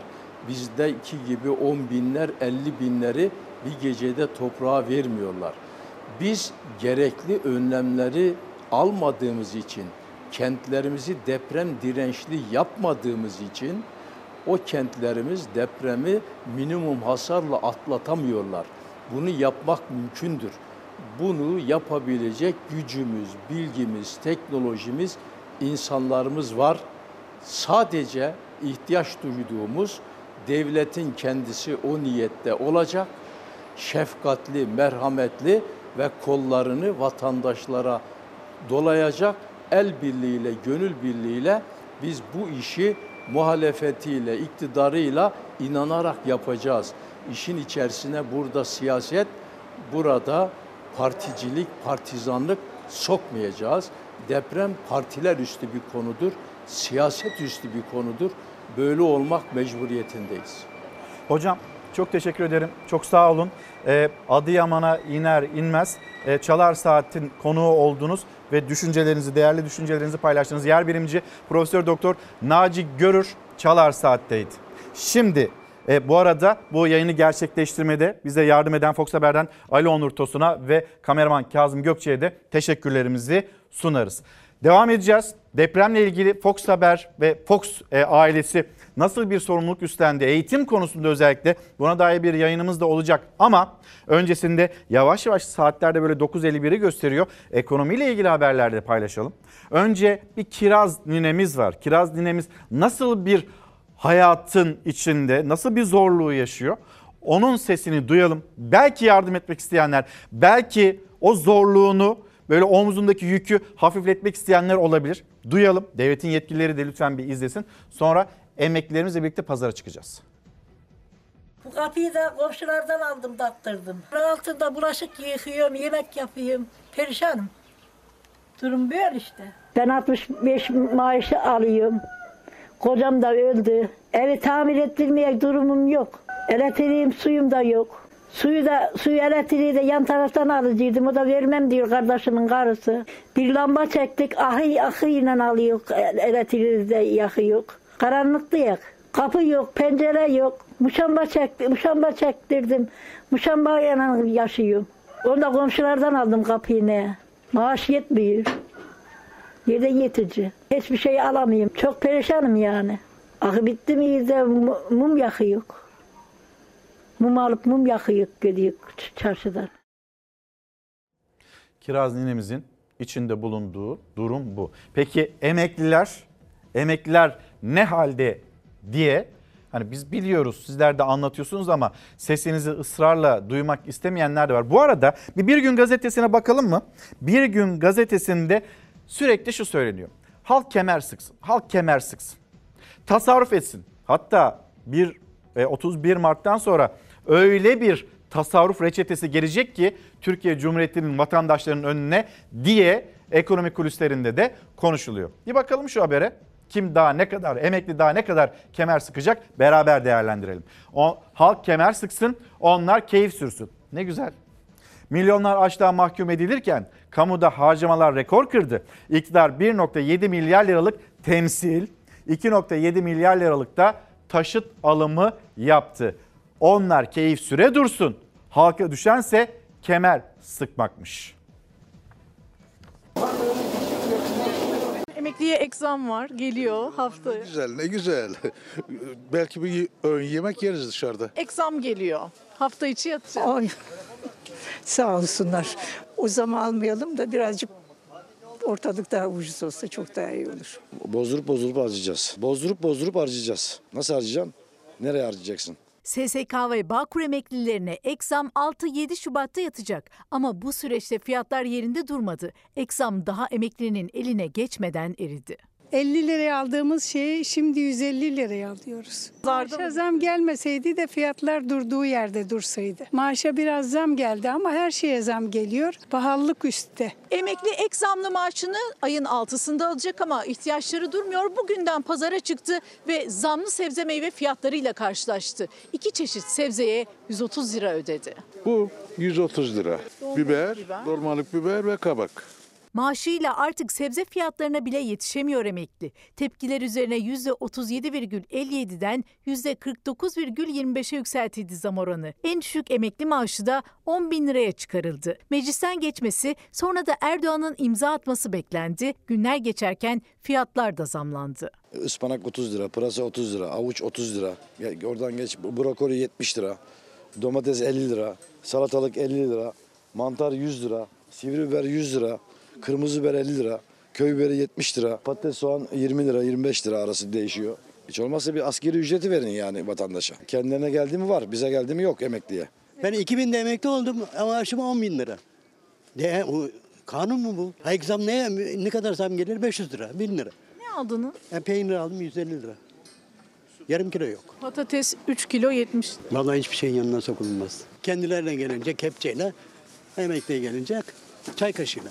3 kilo soğan 70 liraya yine 3 kilo patates 100 liraya kadar çıkıyor. Bir demet kara lahana 20 lira. Bir tane lahana aldım. Ne kadar? 20 lira. 20 lira. Yani eskiden kilosu 5 lira olan bir şey şu an bir tanesi bir demeti 20 lira. Eski emekliyiz biz. 30 sene çalışıp emekli olduk. Ödediğimiz primlerin karşılığı bu olmaması lazım. Acı bir şey. Yani hayat pahalılığı 10 katına çıktıktan sonra Hatta bazı şeylerde 100 katına çıktıktan sonra bunun TÜİK'in açıkladığı rakamlarla e, uydur kaydır işlerle bir ücret belirlemesi ayıp bir şey yani. Yüksek enflasyona ne zam ne de ek zam dayanıyor. Emeklinin umudu bayram ikramiyesine kaldı. Bayrama kadar da fiyatların artmamasını diliyorlar. Zam gelmesin. Bu hayat şartlarını durdursunlar. Zamı istemiyoruz. Zamı veriyorlar. 5 kuruş veriyorlar. 10 kuruş alıyorlar.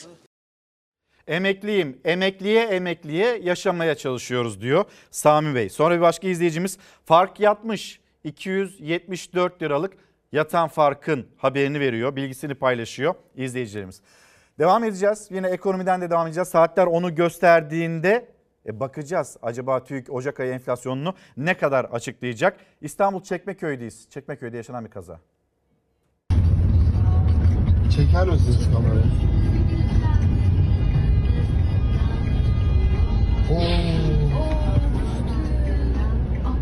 Kapıyı açıp aşağı sarktı. Sonra da akan trafiğin ortasına düştü.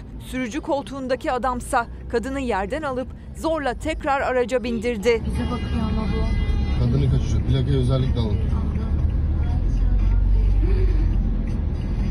Polisi arayalım.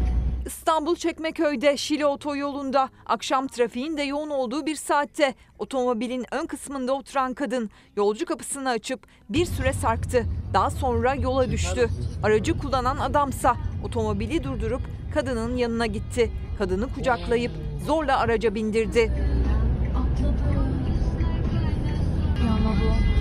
Kadını kaçırıyor. Plakayı özellikle alın. Görenleri şaşkına çeviren o anlar arkadan gelen araçtaki bir vatandaşın kamerasına yansıdı. Ben polisi arayayım siz videoyu Ben aldım. Taksici ve yolcusu arasında yaşanan bir kavga sosyal medyada da gündem oldu. Birazdan bunu izleyeceksiniz. Bu arada e, Menderes Bey göndermiş Aksaray İncesu'dan günaydın. Bir pazara çıksınlar bir pazara baksınlar etiketler. Onları bir görsünler de 10 bin lira yeter miymiş yetmez miymiş bir anlasınlar bizi demiş izleyicimiz. Şimdi devam edelim. E, bu sosyal medyayı da dalgalandıran sosyal medyada da çok konuşulan o görüntüler. Taksimetre ücreti öde. Uzaklaş. 284 lira tutan yolculuğu çeşitli bahanelerle ödemeyip taksiden indi. Taksici kamera açıp parasını istediğinde defalarca saldırdı. Gözaltına alınan kadın adliyeye sevk edildi. Zor kul bak. ödeyeceğim. Zor kullandırma çekiyorum. Hala çekiyorum. Bak. İstanbul'da küçük yıldan bindi taksiye Acıbadem'de yolculuğunu sonlandırdı. Post cihazı kullandı ama kartı hata verdi. Taksiciden IBAN istedi bu kez. Ödeme yapmadan araçtan indi. Kapat Esra. Bak, bak. Ödeyeceğim. Onu kapat. sil, ödeyeceğim. Şoför kamerasını açtı, yolcuyu takip ederek parasını istedi. Ne olduysa ondan sonra oldu. Kadın sinir krizi geçirip taksiciye vurmaya başladı. Arabaya dokunma, arabaya dokunma. Sil o zaman. Arabaya dokunma, arabaya Olayı gören vatandaşlar iki tarafı da dinledi. Taksici paramı ver dedikçe yolcu görüntüleri silersen öderim gibi yanıtlar verdi. Fiziksel saldırıda bulunmaya da devam etti. İnsanlar her şeyi görüyor bak. Bak kardeşim bak dokunma bana dokunma. Bana dokunma bana dokunma. Bana dokunma. Tamam video silini göreyim ödeyeceğim. Hadi sil. Taksimetre ücreti öde. Uzaklaş. O görüntüler üzerine emniyet harekete geçti. Gözaltına alınan kadın güveni kötüye kullanma ve kasten yaralama suçlarından adliyeye sevk edildi. Şimdi şöyle bir piyasalara bakalım. Birazdan da öğreneceksiniz Ocak ayı enflasyonu kaçtır TÜİK nezdinde hesaplamasında. Bu arada e, akademisyenler ENAK grubu aylık enflasyonu %9,38, yıllık enflasyonu %129,11 olarak ilan etmişti. ENAK'ın enflasyonu bu şekilde karşımızda. E, bakıyoruz gram altın şu dakikalarda Cumhuriyet Gazetesi'nin vermiş olduğu bilgi 2068 liradan işlem görüyor. Merkez Bankası Başkanı Hafize Gaye Erkan gitti. Şimdi yeni bir Merkez Bankası Başkanımız var. Başkanlık sisteminde 5 senede 5. Merkez Bankası Başkanını görüyor. Türkiye ve gram altında yeni bir zirveden söz ediyoruz. Piyasalara baktığımızda hemen onu da söyleyeyim. Dolar 30 lira 54 kuruş seviyesinde. Euro 32 lira 95 kuruş seviyesinde hatırlatmış olalım. Ve geldik şimdi aylık enflasyon e, bir son dakika bilgisi olarak TÜİK'in aylık enflasyonu %6,70.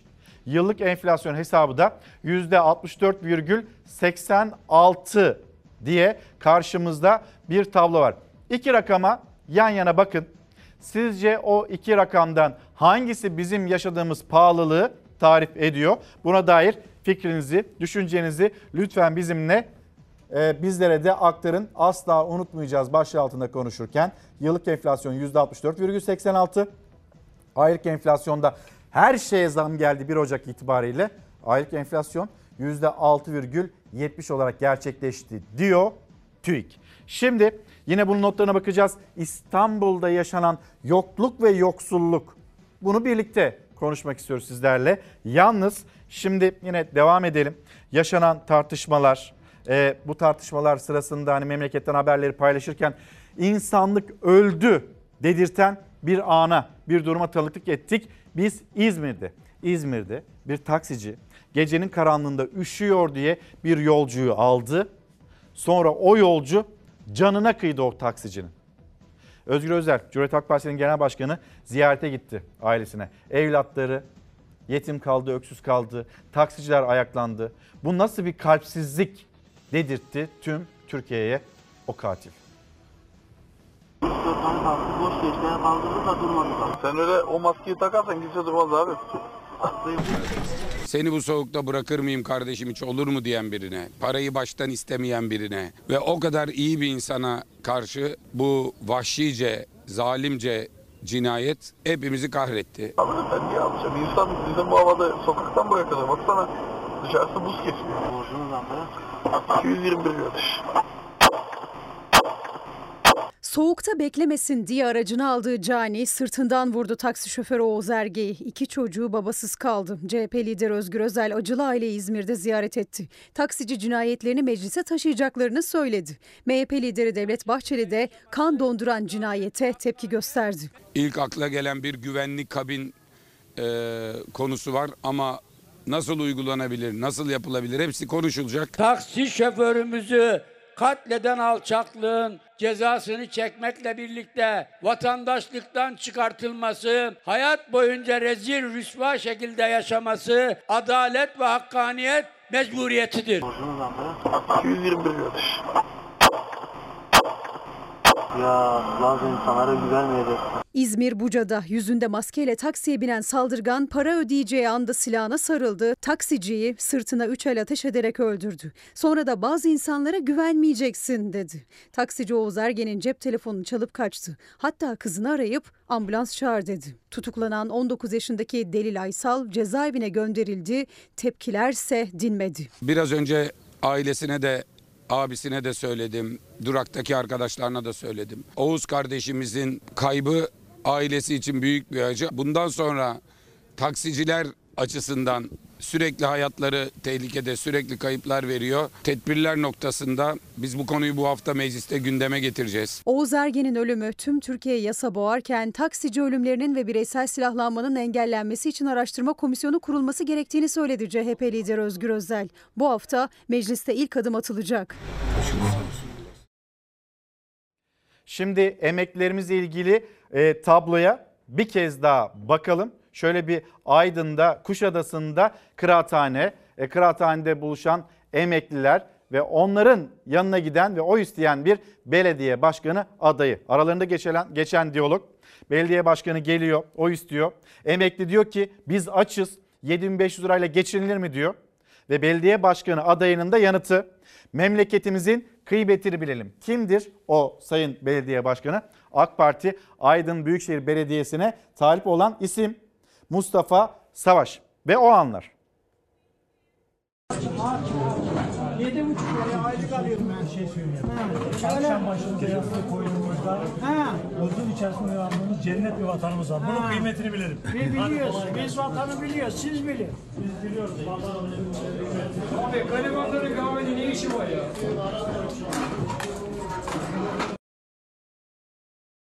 Efendim şimdi depremin, Kahramanmaraş depreminin yıl dönümü yarın birinci yılı e, olacak ve bu süre içinde herkes üzerine düşen sorumluluk çerçevesinde hareket etmeye gayret etti. E, Fox ailesi de öyle. Fox ailesi Türk Eğitim Derneği ile birlikte, Türk Eğitim Vakfı ile birlikte e, oradaki depremzede çocuklarımız için ne yaptı? Bunu konuşacağız. Özel bir konuğumuz, özel bir misafirimiz var. Sayın Banu Taşkın. Günaydın efendim. Günaydın. Hoş geldiniz. Hoş bulduk. Az sonra konuşacağız ama bir hazırlığımız var. Paylaşalım izleyicilerimizle. Öyle sohbetimize başlayalım.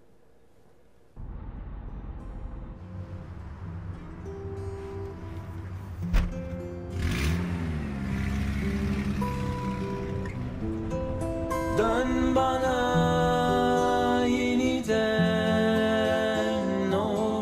döneceğiz. Doktor olarak, mühendis olarak, öğretmen olarak. Söz. Döneceğiz. Al beni yanına ne olur ne olur Evleri, yuvaları, e, büyüdükleri, doğdukları yer. Dolayısıyla dönmek de istiyorlar. E, önce bu klibi, hikayesini bize anlatır mısınız? Elbette memnuniyetle. Öncelikle şöyle belirteyim. Türk Eğitim Vakfı ailesi olarak son bir senedir en büyük hedefimiz evleri, şehirleri karanlığa gömülmüş bu evlatlarımıza umut olmak, umut ışığı olmak. Bu bağlamda e, çalışmalara ilk günden itibaren başladık. Tabii herkes gibi biz de çok üzüldük, e, mahvolduk o dönemde. Sonra bir video geldi. Bir bursiyerimiz Mert, e, kendisi hem depremden etkilenmiş hem de e, gönüllü olarak enkazda çalışıyordu. Enkazdan çıkıp bize bir video yolladı. Her zaman umut vardır diye. O videoyu ailesine. gördüğünüzde ne hissettiniz? E, tabii hem zaten çok üzgündük, e, perişandık. 2500 evladımıza yetişmeye çalışıyorduk o dönemde. Hem orada aileleri olan hem de depremden bizzat etkilenmiş olan bursiyerlerimizi aradık o dönemde. O, o video alınca e, umut, evet her zaman umut vardır. O zaman biz de bağışçılarımızın desteğiyle umut olmaya devam etmeliyiz diye daha fazla basıldık. Bugün 4000'den fazla e, depremden birinci derece etkilenmiş e, evladımıza e, sizlerin de desteğiyle, bağışçılarımızın da desteğiyle umut oluyoruz. E, bu inanılmaz 2500'dü O zaman, aslında evet, ve depremzede öğrencilerimiz onlara e, daha fazla katkı vermek için elinizden geleni yapıyorsunuz siz de. Biz de Fox ailesi olarak neyse e, üzerimize düşen e, onu gerçekleştirmeye çalışıyoruz. Peki öğrenciler onlar evlerine dönebilecekler mi? Oradaki durum nasıl? Bir yıl nasıl geçti? Mert mesela şu anda ne yapıyor? Mert Belki mezun oldu. Güzel haberi. Tabii biz çok mezun da verdik. Ee, evet dönebilecekler. Tabii bu dönemde e, şöyle oldu. İlk başta depremden sonra biz bir grup oluşturup depremzede e, bursiyerlerimizi aradık. E, ve birçoğu için o telefonun ne kadar kıymetli olduğunu sonradan aldığımız mesajlarla gördük. Birazdan e, sizle de paylaşmak istiyorum. E, 2500 evladımıza hemen ek burslar çıktık. Bize başvurmuş ama maalesef kısıtlı kaynaklar nedeniyle hayır cevabını almış ama o bölgede olduğunu bildiğimiz 1300 evladımıza e, ödeme çıktık. Sonra 4 aylık bir ek burs paketi yaptık. Hatta o evlatlarımızın bursları devam ediyor. E, Küçük e, yaş grubundaki depremzede e, çocuklarımıza ulaştık. Gene çok kıymetli bağışçılarımızın desteğiyle ve şu anda okul yaptırıyoruz. Bir okulumuzu Harika. yaptık, beş okul daha e, inşaat halinde. Umut ediyoruz ki bu sene ve önümüzdeki döneme yetişecekler. Dolayısıyla kapsamlı olarak e, yanlarında olmaya çalışıyoruz. O zaman çağrıyı bir yükseltelim mi? Tabii. Türkiye duysun, daha güçlü duysun. Türk e, e, Eğitim Vakfı neler yapmaya çalışıyor ve nasıl destekleyebilirsiniz mesela e, Türk Eğitim Vakfı'nı? Belki buna dair de ipuçları öğreneceğiz Banu Hanım'dan. Ama Fox ailesiyle neler yapıldı, neler başarıldı bir izleyelim.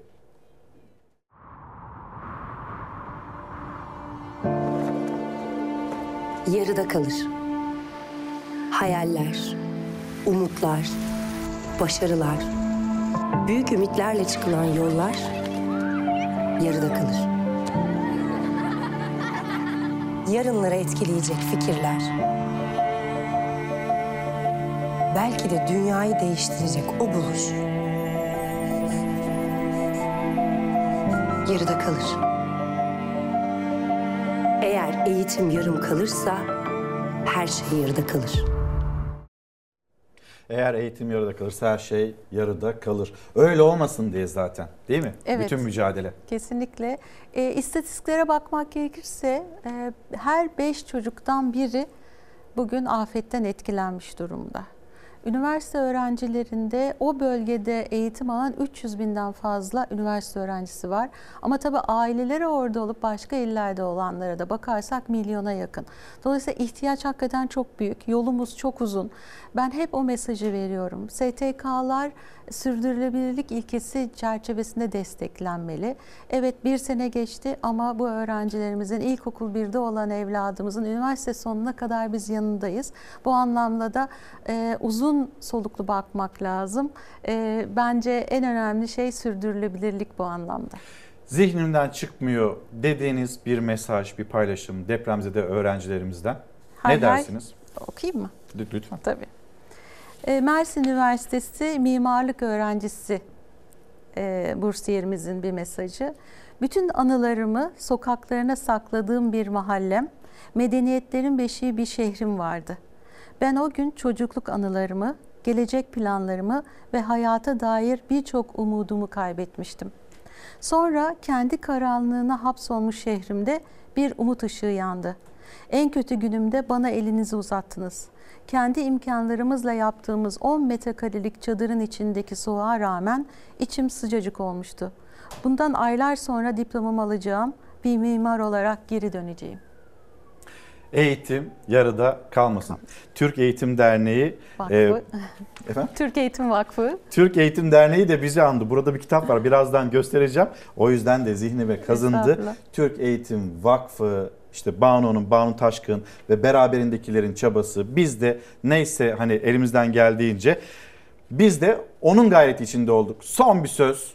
Yarın da depremin birinci yıl dönümü. Ne söylersiniz?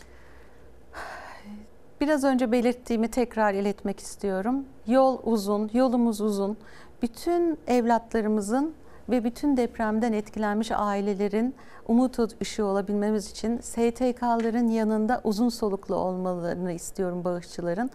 Ee, bütün bölgeyi e, gene evlatlarımız inşa edecek. Dolayısıyla onların umut ışığı olmaya devam edin diyorum. Evet çok teşekkür ederim. Ben teşekkür Geldiniz, ederim. anlattınız Ee, ve burada bir çabayı büyütmek için de Banu Hanım, Banu Taşkın e, neyse neler yapılması gerekiyorsa bir yandan bunu da hatırlattı. Türk Eğitim Vakfı Genel Müdürü. Bir kez daha teşekkür ediyorum size. Teşekkür ve şimdi belki bir molaya gideceğiz ama molaya giderken de vaktimiz var değil mi? Yönetmenimizden Hilal'den de bir rica edeyim.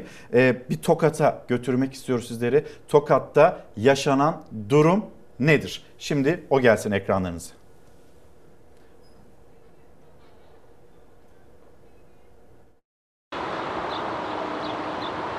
Yaşanan toprak kayması nedeniyle boşaltılan evlerden bir tanesi.